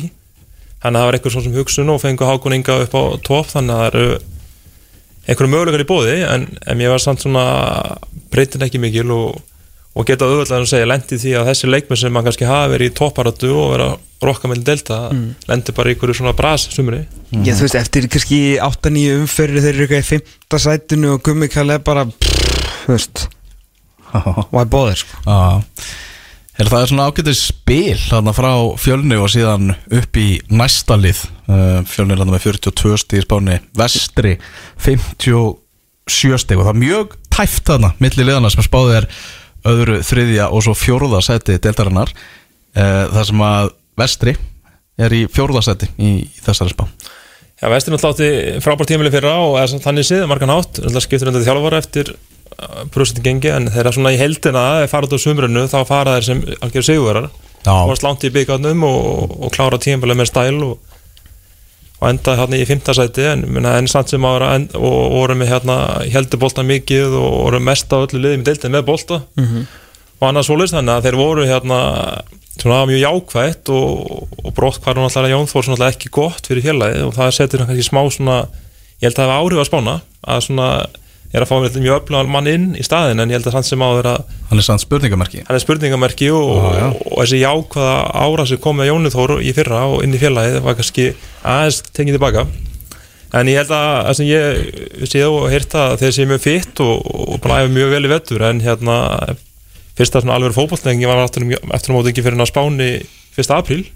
Þannig að þeir eru kannski með lið svona sem er mjög seint að koma saman og aðstæðan í veðratíman alltaf er bara mjög slök og, og einhvað sem að Ísfjörningar hljóta að fara að laga. En hérna en ég held að svipa, kannski svipaðu tölum við fyrra að þetta ræðist aðeins á þá tölum við um mikla pressu á þjálfvaran heima rétt. Að það er ekki sama í ár en ég held að núna ráðast það mikið á hvernig fyrstu leikinur fyrstu vikunar verða hvernig svona vestirinn nær? Náður að fara að taka skrifi enn lengra vera í fjórasæti, vera í þriðja eða til ofar Mhm. og halda áfram byggja og þennan góða árangur eða lenda þær í ykkur eitthvað tilbaka, þeir eru með svipað hópa árur hópa á í fyrra og heldur svona leikmenn og voru mjög snöggir að því að festa leikmenn og hérna gerðu það bara að mynda brag. Ég bara, þú veist, nöfnin á þetta er svo margir útlendingar að maður man ekki alveg hver í hvað fyrir hann danan á miðunni uh, Mistuður einhvern svona sem þeir sakna verulega ég held að sé engi svona sem að það fer hérna hvað heit hann hérna Þú með Van Dijk og Kundai dóttin út sko mm. og ég býst að þeim unni taka inn eitt, tvo leikmenn, Já. það kemur ekki óvart og bara út frá bara sögunni Já, sem við já, þekkjum að það er alltaf svona til að krytta vestra liða en þeir eru mjög öflóðan hóp en ég mun alltaf taka einhvað til þess að aðeins að ítundu aðra og, og þeir eru hérna ég held að þeir er ekki mist neitt sérstakar sem að þetta hefur líklega vilja halda Benedikt sem fór í ía.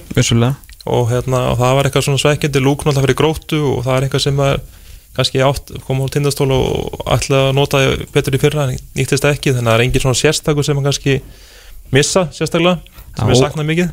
Mér var, mér var smá óvænt að, hérna, óvænt og ekki óvænt. Ég bjóst veginn við að Adam Ægir er með hérna, alla vasa fulla af, hérna, af laxi sko veist, þetta var svona akkurat leikmaður sem að Pottet hefur sami reynda sko En það var svona reyna að fá okkur svona kreatív gæði hérna, hérna þetta er náttúrulega hans uppbyldisfélag er í bestu deildinni Já, sko. en svo er spurning hvort að, hvort að þessi líka leita til leikmanni sem er kannski er ekki eins og hann. Nei, veist kannski eh, taktískari leikmann og Já. nýttist betur en, það hérna, en ég held að mér og heyrist að Gunnar hafi komið bara virkilega vel inn í þetta og gert náttúrulega ákveðna komið sínum áherslu inn í lið og byggir að því sem vestrið hefur að gera.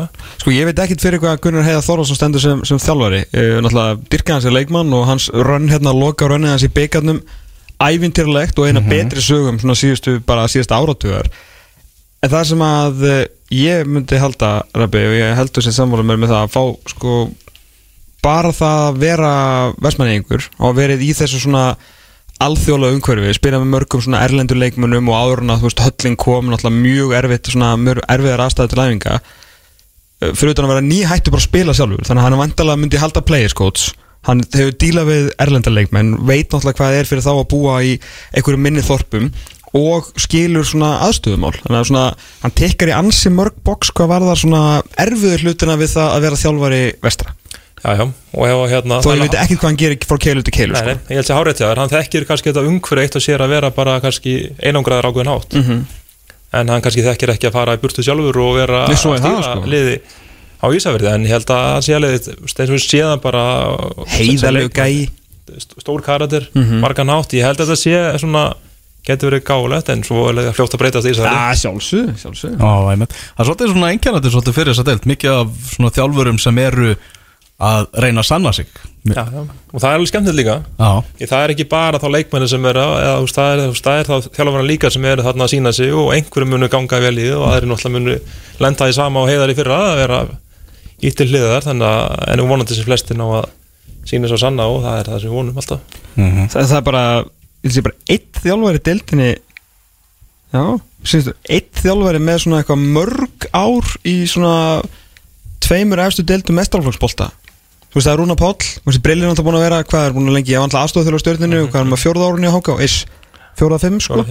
Og hérna Rúna Páll alltaf 2014 eftir að vera í Nóri og svo er þetta bara, þú veist, Alfred Elias koma aftur inn í, inn í kallaboltan, þú veist, með uh, venna sem er alltaf bara einhvern veginn í hann að æfingabúðum fyrir KR starfið eða eitthvað skilur og gera flotta hluti þar.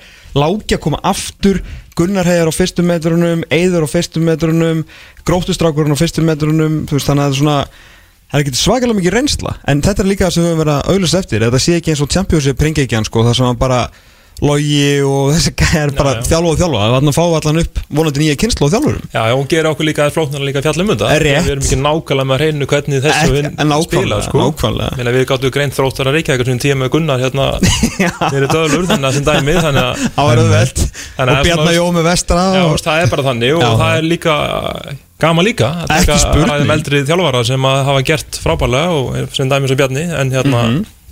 en, það er aftur á móti hérna, flóknar að ræða kannski um þjálfara sem að veitum ekki nákvæmlega hvernig þeir spila Nákvæmlega. og hafa svona hvernig þeir bregðast líka við þegar það gengur vel að illa. Emmitt, emmitt Þriðja sæti í Spáni Þar eru kórdrengir með eh, 60 stig.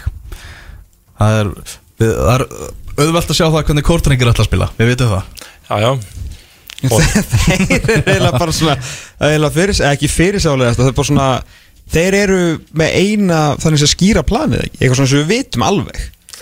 Jú, jú menna þeir hérna, ég menna í fyrra þá voru með slakasta XG, í, deildinni. Ok, endur samt bara í, í góðum gýr já, já. Þeir voru hérna heldur bolta minnst á öllu liðum og annað þannig, þannig að kannski það sem Elvar er að vitni í. Já, þeir ætluðu náttúrulega að reyna að vera að voða sniður hérna mútið Selfossi í annarum fyrir annar að þriðju.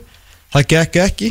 Davís Mári sagði, herri, tekið á mig bara we go back to basics og bara var í bara þurfum að fyrir upp. Já, já, hann líka reyði sér vel í þeim leik við vorum allir í þeim leik og hann, hann, hann var í banni og hljóp líklega meiri leikmenni í leiknum. Algjörlega. En hérna, ég meina ef Kordegi virka mjög massífur og, og eru sterkir varnilega, geta svo trætt og með góðu skindisótnum og já, það er klárlega þessi spá er bara réttmætt og góð og, og ég hérna þeir geta auðvitað að fara í, í efri sæti en hérna eins og við kannski við rættum aukt um hann að það er ef þetta væri liðið sem hétti Grindavík eða, eða, eða hvað sem er og hérna þá er þetta einhvern veginn með þessu umgjör bæin bakvið sig þá væri líklega spákórturingum upp mm. held ég, en hérna Það það er veginn, mjög nálægt í að spáða mig við erum mjög náldið en ekki alveg. Ah. En hvað, hvað segir um hérna markaðin hjá þeim sko, því að þeir missa náttúrulega Albert Brynjar Ingarsson. Ég veit að hann var auðvitað mikið frá í, í fyrra. Þannig að þeir náðu mjög miklum árangri ánans en líka með hann uh, Alice Freyr Hilmarsson kom sterkur hann inn alltaf markvæður var frábær. Uh, Áski Frank, þeir unnum alltaf ekki leik held ég sem að þeir, hann spilaði ekki. Og svo alltaf stóri frammeir inn sem að var svona kannski ekki mest í markaskorri sögunar en tók náttúrulega rosalega mikið til sín. Versus Guðmann Þórisson uh, ætti að vera stórt í þessari deil Kristján Atli er búin að vera flottur hjá, hjá afturheldingu og svo náttúrulega Sverri Pál Hjaltstið Sverri enda myndur hversu er hann mjög mikið myndir? ég ætla hérna verður einhver allavega byrjar ekki móti Nei. og það, það er skellur fyrir þá þeir eru alltaf líka markmann sem var alltaf miklu markmann að bræsi fyrra Já.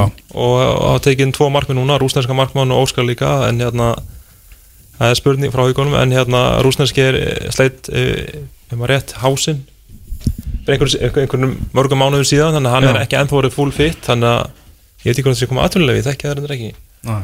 en allavega þá hérna er Það alltaf að borða matstöðunni í fyrra er en þannig að ég held að Kóldrengir sé hafi gert ágætla á markaðanum og fengið hérna sterka miðumann og fengið hérna meina Daði Bergsi komin á þrótti. Já. Daði í öflugur liði getur verið helviti góður ef hann á sínum degi. Heldur betur. Þannig Já, að- ég bara, bara með guð vera með honum en ætlar að vera í svona, svona þessum skrítna ham sem hann hefur verið í með þrótti sko í miklu komfortzónu með Davíð Smára Já, bara gangið ætla- vel Ég ætla að mjög ekki ganga upp sko. Nei, og þeir eru með ennska framinn á reynslu í dag þannig Ok. að það er eitthvað sem maður vilja bæti í og það nefndir framinn á hann já, þannig að það er eitthvað sem þeir eru að skoða og hérna og svo fengu hann að spænska miðjumann sem er mjög öflugur og, og reynslu mikið leikmaður þannig að þú það er svona margt sem er með þeim en, en spilamörskan er skipið skipur all lið. Heldur Davís Mári og Heiðar hafa gert það vel og Og Heiðar sér um fyrstu, hvað, þrjá eða fjóra, hvað var hann í löngu banni? fjóri leikir. Fjóra leikir. Já. sem að Davíð Smári verður Kemur í banni. ekki eitt byggar, nefnir byggar náttúrulega sér. Já, hann Já. hefur fjóri leikir án Davís Já. Og það er náttúrulega er ekki gott Ekki með áhrifin sem hann hefur á, á liðið og svona Það er svona nettur Æ, ég vil ekki nota of stórar Ég ætla að fara að segja klopp sko Þegar kemur að hann svona svolítið Hann er alveg með dómarinn oft hann er svona mjög dó- dómerandi á hliðalínu Já, sko. mjög dómarandi og ég meina þeir eru að spila eins og það var að spila þetta er bara svipa 5-2-3 og 3-4-3 og, og hérna og detta niður í varnarlega í fimmanna línu Mhm. og, og sækja svo hratt með og skilja sennilega hérna alla eftir nema þrjá og, þannig að það er svona en þeir eiga ekki þessa, eins og nefndi þessu upp að þessa sögu og byggja ekki á sama grunni og önnum félug þannig að hvað spurning hvort það muni hrjáfa það, koma aftur á framvöllin, ekki rétt að mér? Jú. Verða aftur í samirinni? Allavega er skráð þannig hjá KSI sko. Ég veit ekki hvort að það var eitthvað staðföstur heimavöllur samt skilst það sko, þannig að Já, skráð á framvöllin en þetta er allavega Ég var nú farin að fíla þarna Björtu sumarkvöldin og svölunum Já, ég mun sakna þeirra sko Já, Nú já. breiðoltinu Já, en þarna, já, Kortenegir í, í þriðasæti og, og við horfum á spána þá er það nú ekki mjög flókið. Liðin sem að fóru upp þau fara aftur niður og liðin sem að fóru niður úr bestu deildinni, Pepsi Max deildinni þeir fara bara aftur, þau fara aftur upp. HK í öðru sæti. Þetta er eiginlega mjög óspennandi spá hjá okkur. Já, það er eiginlega Við skömmast okkar svolítið fyrir það. afsakið. Sko, ef það verið aðeins minna rót á kortringaliðinu og þeir væri með markvörð og uh, Sörri Páll væri ekki meittur og svona. Davíð ekki banni. Og sama ef Jón Þór væri bara með vestra þá hefði ég haft uh, Hóká held ég hefði sett annarkvort þeirra upp sko. en með hvernig það er akkurat núna Háká er með uh, Brilla uh, með bara góða leikmenn sem bara staðið sér vel í efstu deild og, hérna, og ekki, ekkert mist eitthvað of mikið. Og blessaðan kórin með sér og svona gæja sem að þekkja þetta þá er bara erfitt að sjá þá einhvern veginn ekki safna nóg mikið að stigum eins og staðan er akkurat núna sko. En hvernig þeir verða útivelli veit ég ekki en þeir verða ógna sterkir hérna upp í fjöllum sko. Já, Ég nenni ekki að taka á umræðan veist, það er alltaf að vera að tala um veist, Kortrengi og leifiskerfið Ef að þeir en, enda í öðru og tveimur östu setunum það var menn í, boltanum fullit við mig að það sé ekki sjans að þeir fá að fara upp sko. Fáið það miklu undan þá á, á leifiskerfinu En við leggjum það bara þá umræðu til, til hliðar Það til að það verður eitthvað staðfest með það ég meina það er að fá allir undan þá alltaf allstaðar, er ekki leiknir undan þá núna og verða undan þá næstu tíu árin? Alveg svo fylki var með undan þá að vera ekki með þak í tíu ár. Já. fjölnir er búin undan þá í tíu ár. Þú veist, meina það er þeir fara alltaf upp sko. Ég veit, snýst ekki um stúku vantalum Já það, það eru samtalið menn sem að fullir það við mig að þeir hafi fengið það bara frá knarsbyttusambandinu það bara sé ekki fræðilegu möguleiki sko. Út af hverju þá? Út af- Yngri flokkastarfið það? Já, vantalega En eru þeir ekki byrjað að leggja grunnina því upp á kjærleysi? Já, er, eitthvað, er það komið eitthvað að stað? Ég veit það ekki ég, ég, ég veit ekki hvað staðan er í þessu sko Það er kannski bara eitthvað síntal í, í lögadalinn Hattuða hvernig, hvernig það verður samband Íslands er aldrei að fara að meina einhverju liði að spila eftir delta minnst eitthvað eitt tíumbil sko. Ég, hefði gaman að því að sjá það sko. mm. En Háká allavega spáðu öðru sætinu Í, í, í þessari deild uh, Ég, erfitt að Erfitt einhvern veginn að rýna í, í Háká verður gaman hjá þeim í sumar? Já, ef það gengur vel, þá er gaman. Já, og ég meina ef þeir fóru upp síðast, þá unnur þetta raunlega á bara því að það fóru upp á því að vera bara þjættir og, og mjög taktískir og, og spiluðu bara ekki nefnilega skemmtilegasta boltan en einfallega bara mjög árugusíka bolta. Og endar á snýst á um það að komast upp og koma liðin aftur þanga og kórum er spila gott stórt hlutverk í því, það er rétt hjá Tóma að það skipta alveg máli. Manni finnst svona að þeir sem, menn sem hafa mist séu kannski sterkara til þess að fengi inn.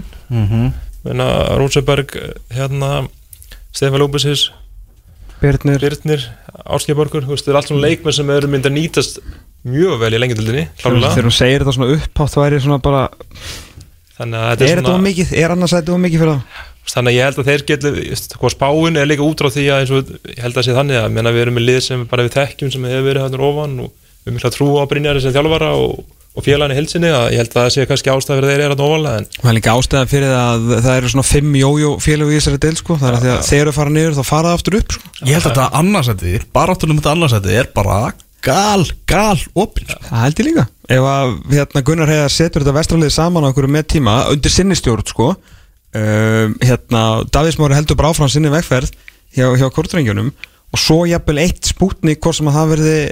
það Þór eða Selfos eða eitthvað, ég myndi segja kannski líklega Þór að þá getur þessi annarsættis bara að vera alveg svakaleg. Já, já, ég er sammála því.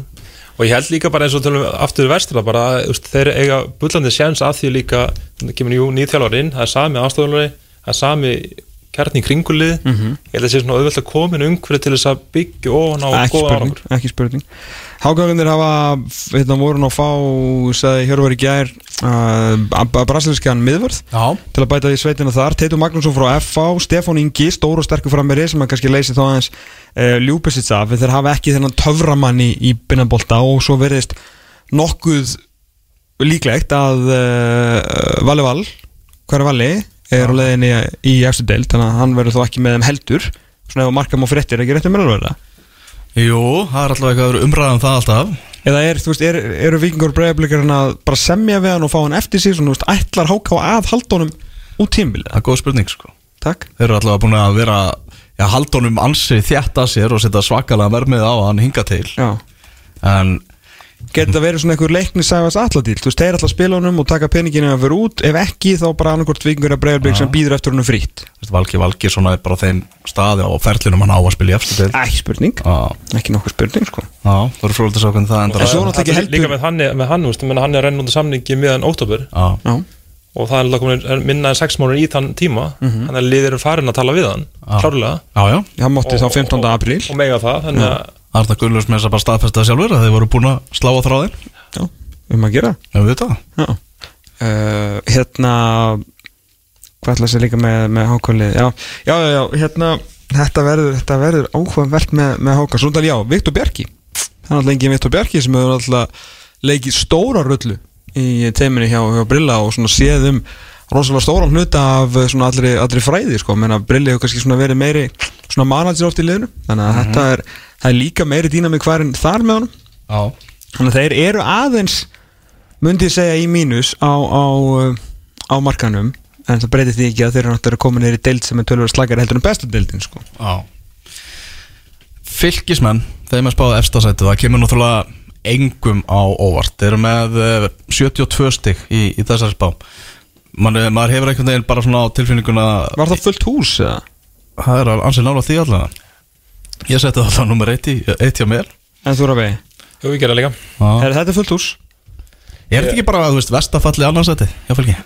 Jú, er ekki hann hægt þetta er svona auðvöld að fara þá leið sko, Já. og er, líka þau eru búin að tala svo oft um dag hvernig liðið fyrir neðan það er ekkit svona langbesta þriðja fjóruða liðið sem getur komið þarna þannig ég held að það sé þannig að fyrsta leiðin alltaf erum bara mjög öflugað þjálfara. Við erum öflugt til kringunlið fá hérna menn inn eins og Albert og, og hérna Ósker þótt að það sé ekki hversu, hversu, hversu mikið að spila eins og Albert þá allan er hann mjög sterkur inn í hóp og klefa. Óskip Börg líka aftur Það er- komin Rísastórt ítir undir allt, Arnón Breiki kom tilbaka þannig að það er svona það er margt í þessu félagi og þeir hversu snöggir voru líka bara að festa rúnar. Þeir voru hann í bölvuð brasi í lokin og rúnar tekin inn og svo sem gekk ekkert ekki spes en þeir sáu greinlega í honum um leið þetta er maður sem viljum byggja á. Mm -hmm.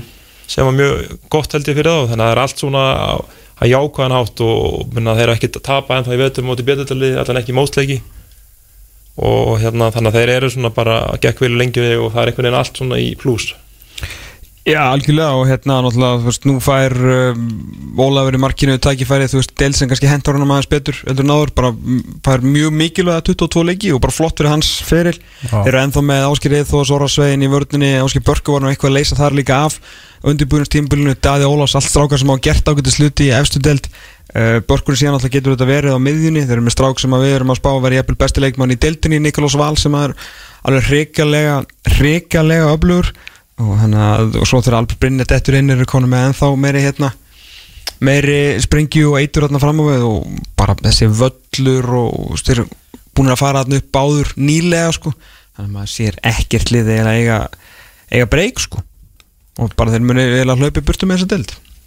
Já, þeir, eru- bara langstæstu strákarnir í, í þessari delt Já, já, alveg langstæst klárlega, bara kannski flóknar náttúrulega er fyrir þá náttúrulega, að það er flókið kannski fyrir svona liðið svo fylgja að fara að spila með KF að spila mútið þrótti, spila mútið afturlendingu það er alveg flóknar heldur en að spila mútið hákvöldunum Mhm. þannig að það er kannski helst það en ég held að Rúna sé ákvöldum aðeins í það að íta undir leikmenn og passa að þeir haldi sig á réttu stað og og líka með þessa reynslu í, þú veist, Áskeri Berki og Alberti Brynjari sem að koma, koma inn í þetta, sko. Já, líka, þú veist, maður hefur heyrt í nokkru sem hafa hérna, þjálfa með og spilað undir stjórn Rúnars Páls og hann er eitthvað svona almesti game day þjálfari sem, að, sem þú finnur veist, það er bara þessi hinni liðin er aumingi og þessi er aumingi skilur og þú fara að taka hann hérna og svo bara berjast skilur, þú veist, hann er bara ógeðslega góður day þjálfari og lengjudeldin er mikill svona, mikið game day snýst, stemning snýst um það sko ofta að plata leikmennan til þess að vinna fyrir sig og ná, Já. ná best út úr á þess að þú kannski gera eins og segir, þú ert náttúrulega að tala um að gera lítól hinn með liðinu en að gera það en samanskapið að bera virðingu og vera klárir í að taka menn bara skilur, pakka bara þessi eitra kleðamenning skilur, bara öskra nógu djöfulli hátt þannig að menn fara út og tækli sko. Mm -hmm. þannig er næsta þess að delt oft á tíðum sko. lendir bara í einhverjum hörku leik og það er bara að koma þér yfir þröskutin sko. sem Mhm. getur spilað eitthvað fancy bolta þegar þú spilað við bara eitthvað á heimavelli á móti hákaða gúrþrengjum eitthvað en stundum er þetta bara drullu erfið delt sko. en svo náttúrulega hitta fyrir liðið svo fylgja í mót og svona, það er bara eins og við erum að tala um um hérna á þess að spila fótbolta mm -hmm. Það fór ekki vel. Nákvæmlega. Þannig að hérna það er spurning hvort það sé eitthvað það er flókið líka ákveðin átt að fara svona inn en ég held að bara að sé með langbæsta hópin og allt í kringum liði sem að átt á bara að gera þetta nokkuð skemmtilegt fyrir þá. Mm. mm Þannig að þá er það ljóst eh, hvernig þessi, þessi spá lítur út fylgir spáð Sigri. Í deltinni Háka á öðru seti, Kortrengir þriðja, Vestri fjórða, Fjölnir í fymta, Þór í sjötta, svo í næri helmingnum Grindavík í sjönda seti, Selfoss átta, Gróta nýju, Afturhaldig tíu, Kávaf 11 og Þróttur Vógum séðan í neðsta seti, Kávaf og Þróttur Vógum spáð niður úr, úr deltinni, kannski rétt að taka fram að þessi tilla, breytingatilla á deildinni sem var samþygt með úrslitakeppni. Hún tekur ekki gildi í sumar, hún tekur gildi á, á næsta ári, þannig að þetta er bara gamla góða formati sem við þekkjum, tvö öfstu liðin í deildinni fara upp í bestu deildina í, í sumar. Ef við lítum að þess á bara Verður ekki fyrstu, að hætta við það samt, árun það fyrir á stað þetta við hvað? Þessu úslakefni Jú, það eru glæð, þetta samþykja það í ástinginu Ok. Þið líst ekki á hana? Nei, þetta er Er þetta fyrsta umferðin í, í lengjudeldinni Þetta hefst uh, á 50. skvöld kl. 19.15 með tveimur leikum þar sem að fylgir mætir KVAF og HK mætir í kórin og það er Selfoss í heimsón Þetta ætti að vera já, nokkuð þægilegir heimasigrar ef við miðum við spána alveg Já, með það spána, en eins og En það Ég held að Háká Selfoss verður alls ekki þægilegur heima Ég er sko. sammála því sko. Ég held að fylgi KF, jú. Ég held að fylgi takja þann leik En ég held að Háka Selfoss verður bara mjög snúi leikur Já, ég, ég bara hjátt alveg sammálaður sko. Ég er samt vilja að fá að þetta aðeins svona draga betur en að gæsa upp í töfluröð það hefði mátt svona koma með eitthvað svona svona stærri upphafsleik sko. Heldur en, fylki káaf og, og síðan hérna leik upp í, upp, upp fjöllum sko. En hérna ég veit ekki ennþá hvað ég ætla að sjá leikina sem ég kemst ekki á. Nei, það er viki mót. Hver er að fara að sína þessa deild? lengideldin er alltaf ekki stöðusport uh, væntalega verður hann bara á lengideld.is þar sem að félagin sjá um nei, er ekki ós að fara að sjá um útsendingar núna? Ég held að sé eitthvað fyrirtæki sem núna sem er Já. að fara hérna, allan að sjá um útsendingar held ég sko. En Ok. ég, ég þekki það ekki, það var bara gaman að fá okkur eitthvað svör um það sko Já. Hérna, maður Hvar horfum maður á þetta? Hvar horfum maður á lengideldin ef maður kemst ekki á öllin sko Já, nokkvæmlega. Herðu, á föstudaginn þá er Þór Kórdrengir í bógan umbúið að færa þannleik inn í, í bógan. Það er líka, það er nokkuð áhugaveruleikur. mm, sammála Uh, afturöldin grindaði líka sumulegði sem að grindaði allar að byrja vel og, og sáleikum við fram á, á Malbyggstöðinni að Varmá sem er áhugaverasta fótboltavallarnafn á, á Íslandi í dag. Malbyggstöðin að Varmá. Já, ég, hérna, já Þú veist ekkert hvað þetta segja. Nei, líka því á sama tíma er náttúrulega leikur á voga í tífuvellinum Já. Hérna, Þróttur vógum gegn fjölni. já, þetta var svo náttúrulega við valdi hérna uh, á laugardeginum þetta, Já, ég, Malbyggs stöðin að varma Já. Það er ekki, það er ekki neitt völlurinn í þessu Grjó, Grjótart þarna. Og svo er það já, eins og segir tvö á lögadaginn strax eftir þátti okkur þá er gróta vestri þannig að það var nánast allir leikir umförunar eh, búnir þegar eh, við förum í loftið næsta lögadag Já, getum við farið betur yfir þessa, þessa fyrstu umför og andur hvort það hefði verið eitthvað, eitthvað óvænt í spilunum sko. Já, heyrðu, Liverpool vann 0-1 í norðurinnu, Newcastle 0 Liverpool 1 þar sem að Naby Keita skoraði eina markið í leiknum þannig að nú er Liverpool í efsta sæti deildarinnar með 82 stig og setja ágætis pressu á Manchester City sem að heimsækil Leeds setna í dag í janska bóttanum Já, spurning hvort að Jesse March geti gert uh, Liverpool eitthvað greið á samlöndum sínum sem að eiga Liverpool. Já, fyrir leikunum fór 7-0 fyrir Manchester City síðast þegar City og, og Leeds áttist við þannig að það væri ansi magnað hefur hann nær ykkur af, af City liðinu. Herra Rabið, það var eh, heiður að, að fá þig að vanda Þannig fór spá, spáin skömmust okkar svolítið fyrir hann, ekki nægilega mikla sögulínur í þessu. Það er samt ekki okkur að kenna. Það er náttúrulega liðunum að kenna sko. Það er líðan að kenna. það kemur í ljós. Já, við vonum bara hérna, Ég vil að vona að við höfum alveg svona Soldir ántur okkur. En það verði hérna Vantar hérna ég, Fjölnir Selfoss Grindavík. Eitthvað af þessum þreymurlegum Nei, Þóriga, eitt af þessum fjórlegum Vil ég fá í baráttuna um að fara upp. Það er svona Verði meira heldur en bara eitthvað miðjum og hjá þessum félagum sko. Já, Heila bara verður mhm. Það er ekki nefnilega ekkert gaman að taka okkar vanalega svona tvis og þrjus á sumarúnt í Grindavík. Ef þeir eru bara eitthvað staðar svona 7 til 8 skilur já, þá eru svona 12 í stúkunni og hún tekur náttúrulega hvað, tekur hún marga 7 manns eða eitthvað? Ekki 15 manns. Já, þannig að þetta er, uh, þetta er svona Það er nefnilega svolítið erfitt í Grindavík þegar það er erfitt í Grindavík út af þessari blessuðu stúku. Þeir voru svo miklir hugsunamenn á sínum tíma. Allir náttúrulega verið í Evrópu og byggðu þess að geðveiku stúku meðan ógeðslega flotta heimavöll og þetta gras sem er bara þetta klárt einhvern veginn í februar en svo ef það gengur ekki alveg nóg vel þá er svo fára á vellinum og þá er þessi stúka svona smá að brasa á henni sko. En alveg alveg heimavöllu sko. Það er bara þannig. En mér þættunum með okkur það að þegar við erum að gefa pítsur. Það er alltaf, alltaf vinsælt og til þess að gefa pítsur í dag er hinga komin engin annar en Óskar Klásen, formaður leiknis. Velkomin, Óskar. Takk fyrir Þú var- þú varst nú á bylgjunni gær, það var nú einhver kona hérna með, með, á skemmtara. Hérna, með, með viðtalinu, það var skemmtilegt. Já, mjög skemmtilegt. Já, leiðilegt að við getum ekki búið upp á það líka sko. Samt í lag þarna á staðnum fyrir leikni.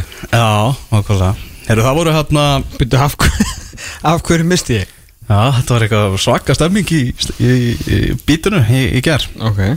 Já, en hérna fréttir úr breiðholtinu í, í vikunni Óskar, það er bara frýtt að æfa með, með leikni. Þetta er uh, Dominos a- a- að bjóða upp á okkar, okkar menn Þarna, segðu okkur svona aðeins frá þessu verkefni.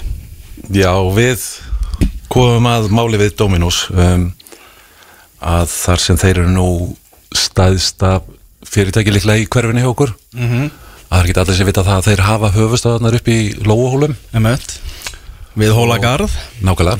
Og þeim fannst þeir reyna blóti skildunar að, að taka þátt í þessu samfélagslega verkefni að ebla íþrótiðkum barna í, í 111 og komist að sangumlægin því um það að það er þið frítt að æfa fyrir fyrir börn eh, 6-16 ára gegn því að skilin frístundásun frá Reykjavík og Borg að, að Dominos kostar mismunin mm Og það er náttúrulega ástæði fyrir því að farið er í þetta, þetta verkefni. Það hefur gengið já, bara illa að fá bara unga krakki breiðolti til, til að mæta á, á íþrótæðingar Já, íþrótta uh, eða frístund ávísun í hverfi 111 er, er ábyrjandi vest á, á landsvísu og það hefur, Reykjavík borg hefur reynd að fara í alls konar átagsverkefni sem, sem því miður hafa ekki skilað sér og við breytum upp á þessu við Dominos og eins og ég segi sko, þeim fannst þetta brjálsnjált og voru til að hoppa á vagnin og vera með í þessu, þessu góða og þarfa verkefni Mm. Er þið þá skilja rétt að frístundáður sem cover ekki afengjöldin alltjent eða? Nei, Nei, nei, nei, það er bara, stu, það er bara spons upp í það stuðningur. eiginlega bara mjög langt frá því. Langt frá því, Já, Þannig að, og hérna, þetta 111 hérna Uh, náttúrulega mikið af, af fólki hérna velendurbergi brotið sem er þá vantilega ekki kannski endilega fjárráð til þess að setja bönnunni er það meira vandamál heldur en annað? Uh, ég held að sko þú veist, ég get alveg sagt já við þessu. Já, en þú veist, ég hef engar kannanir eða neitt á bakvið það. Skilji. Síðan gæti það verið sko mögulega gæti að vera sko cultural difference mm -hmm. og svoleiðis. Einmitt. og örgulega mjög líklegt líka að hluti af því. En við þurfum náttúrulega bara með þessu átaki te- telja allan að vera að það sé hægt að kenna þeim að koma og æfa og þurf, þurf ekki að borga fyrir það svo að þú ert oft til í að gera eitthvað þegar það kostar ekki neitt. Já, já, þá er allan að stýttir leiðina, sko. Já, Já, við, við teljum það allavega Mhm. og eins og, eins og við talaðum um líka að það er svona já það er ekki í öllum löndum sem að þetta er svona kerfi þar sem að þú bara flytur í vikingskverfið og batnið fyrir að æfa bara með félaginu sem er Íslands og, og byggamestari þú veist það er það er ekki öllum hleyft inn á æfingar hjá svona stóru klúbunum úti. Nei, það er eiginlega mjög langt frá því sko, að það sé. Að yfirleitt er þetta í svona stærri löndum og þessi stærri liður þá færðu bara til dæmis að æfa með e, skólaliðinu eða eitthvað. Mm og ef að þú þykir nógu góður að þá er þið bóðið á æfingar hjá, hjá stóruleðunum mm og þetta, þetta getur líka alveg verið verið sko að, að fólki bara þekkit ekki. Og ég, hef- ég hef oft verið að tala um það að það er hérna það er hérna mm, að það, það er sko við búum náttúrulega eða þessi búa í breiðalti, þetta er náttúrulega allt annað kultúr og allt saman heldur en annars staðar. Að það tölum mikið fleiri tungumál hana mjög mikið að nýbúum sem eru þarna og það er, ekkit, það er ekki hægt að steipa okkur í sama mót og, og viking eða val eða, eða fram með eitthvað. Að auðvitað er töluð önnu tungumál í þeim hverjum líka en ekki að næstu þess miklu magni eins og í, í efrabreiðaldi og maður sér það svona frá, frá Dominos, þetta er það bara svona glænýtt á Íslandi þetta verkefni sem að þeir, þeir eru að fara í að þeir eru, eru gríðlega stoltir af þessu og með að líka vera það að, að svona stórt fyrirtæki sé að, að leggja samfélaginu svona lið sko. Já, ég, þetta er bara algjörlega til fyrirmyndar. Já, og ég veit ekki, vonandi er, er þetta það sem koma skal að, að fyrirtæki sjáu sér sko sjáu samfélagslega ábæri sína og, og komi betur að, að starfi hjá félögum. Og ég tala ekki um sérstaklega félögum sem þurfa á því að halda. Já, nákvæmlega. Og það var að halda upp að þetta samstarf á morgun. Þú ert að blása upp ykkur á hoppukastala og, og eitthvað, fyrsti, fyrsti mænóttil á morgun og hvað er hvað fjölskyldu hátíð? heldur betur, það verður blásið í herrlúðra á morgun og það verður fjölskylduháttið leiknis og Dominos til e, í og þá verður undir þetta samningur í afframt Já, og það verða þarna uh, held ég bara rjóminn af, af skemmtikrötum á Íslandi. Það verður til dæmis MC Gauti og, og Prins Bólo koma og spila þarna og það verður hopp, hoppukastala fyrir börnin og, og knattfrötir Já, vel við hæfið, náttúrulega Prins Pól og þarna úr, úr hverfinu og MC Gauti, ég var nú með honum í, í FB Nú, ok, þetta er allt bara meitin breiðvald Já. Já, nákvæmlega. Og, og svo náttúrulega verða, verða genna pítsur þarna frá Dominos. Að sjálfsögðu. Að sjálfsögðu. Og fólk elskar fríar pítsur. Eh, það, það er fátt meira sem fólk elskar.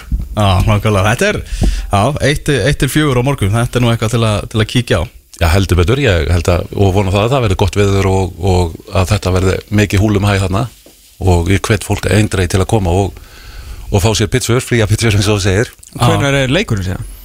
Leikurinn er í Vestmannheim. Það ég veit, hann er klóðan fjör. Já, Ok. Þannig að ég missi af, af fjölskyldu húlum hæðinu Og það er ekki svona dómin og séðarsmanni Nei, nákvæmlega Það er- En þú getur kannski leitað að staðsendingu fyrir, fyrir eh, Magga og Fila til þess að setja upp dómin og séðarsmanni Já, það er svo og tekur doggybag með sér, mæntalega bara. Það er satt pizza 67 í Vestmannu sem, er náttúrulega- er mjög merkilegt Það alveg, alveg, alveg verulega, verulega merkilegt. Þannig að maður kíkir okkur að þanga bara í staðinn.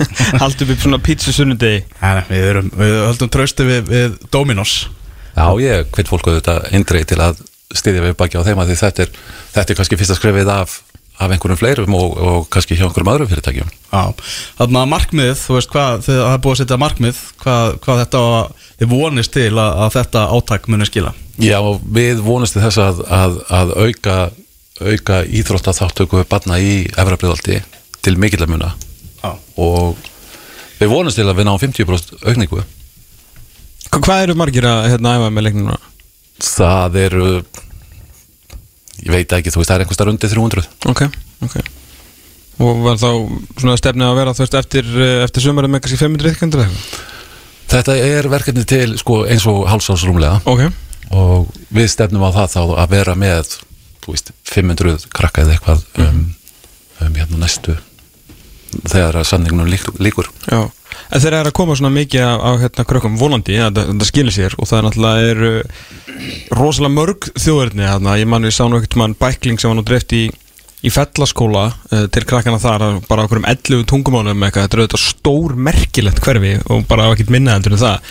En ég minna, þú veist, eins og þjálfarar hérna hjá leikni, þú veist, ég, kannski er erfitt að leita þjálfurum sem að kunna 11 tungumál þetta er svona, þetta verður aðeins annað starf, vantilega Já, en það er kannski ekki að ræða mig mest vegna þess að börn eru svo fljóta aðlast að börnin tala yfirleitt einhverja íslensku eða einhverja ensku eða eitthvað. Já. Að það er meira sko með foreldrana. Já, já, já, til dæmis eins og ég bara síðasta sunda hitti ég borgarstjórun upp í Breiðolti og hann var hann að, að bera út fagnar erindi sitt. Já, þetta var ekki grín að það væri ykkur Já, ok, bara actual borgarstjóra Axual borgarstjóri. Ég hefði ekki ykkur að Nei, nei, nei, nei Dag sjálfur, já, dagur sjálfur. Ok. og hann var þarna með rauðarósir og, og, og gefa gestum á gangandi og labba í hús. Og ég spurði hann einmitt að því hvernig gengur er að, að tala við fólkið sem opnar loksins fyrir þér? Já, og hann sagði sko ég er með bæklinga hérna með mér og ég man ekki hvort hann sagði 12 eða 15 tungumálum Nei. til þess að gefa til þess að bera út fagnæðarildi já, og þetta var svona svolítið reality check held ég fyrir hann út af því að ég er búin að vera að segja þetta svo lengi við borgina að við séum í allt öðru umhverfi heldur en allir aðrir. Að hvernig eigum við að geta að tala við allt þetta fólk, þú veist, ég meina við getum, ef þú talar um það, við getum ekki ráðið þjálfara sem talar sko 12 tungumál eða 15 að þá er sem erfið að ráða mannin á skrifstofuna sem vegna þess að hann er bara einhvers stað sprenglæriður í Harvard eða eitthvað.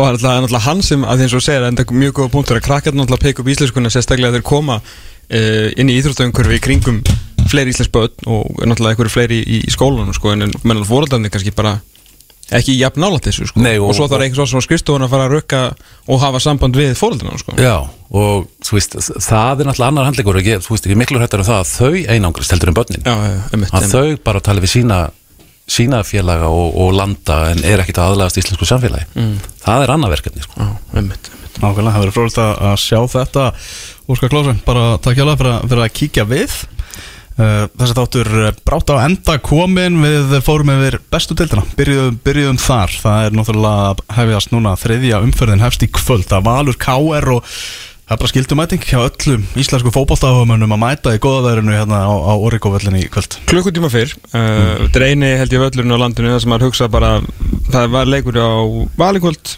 klukkutíma fyrr.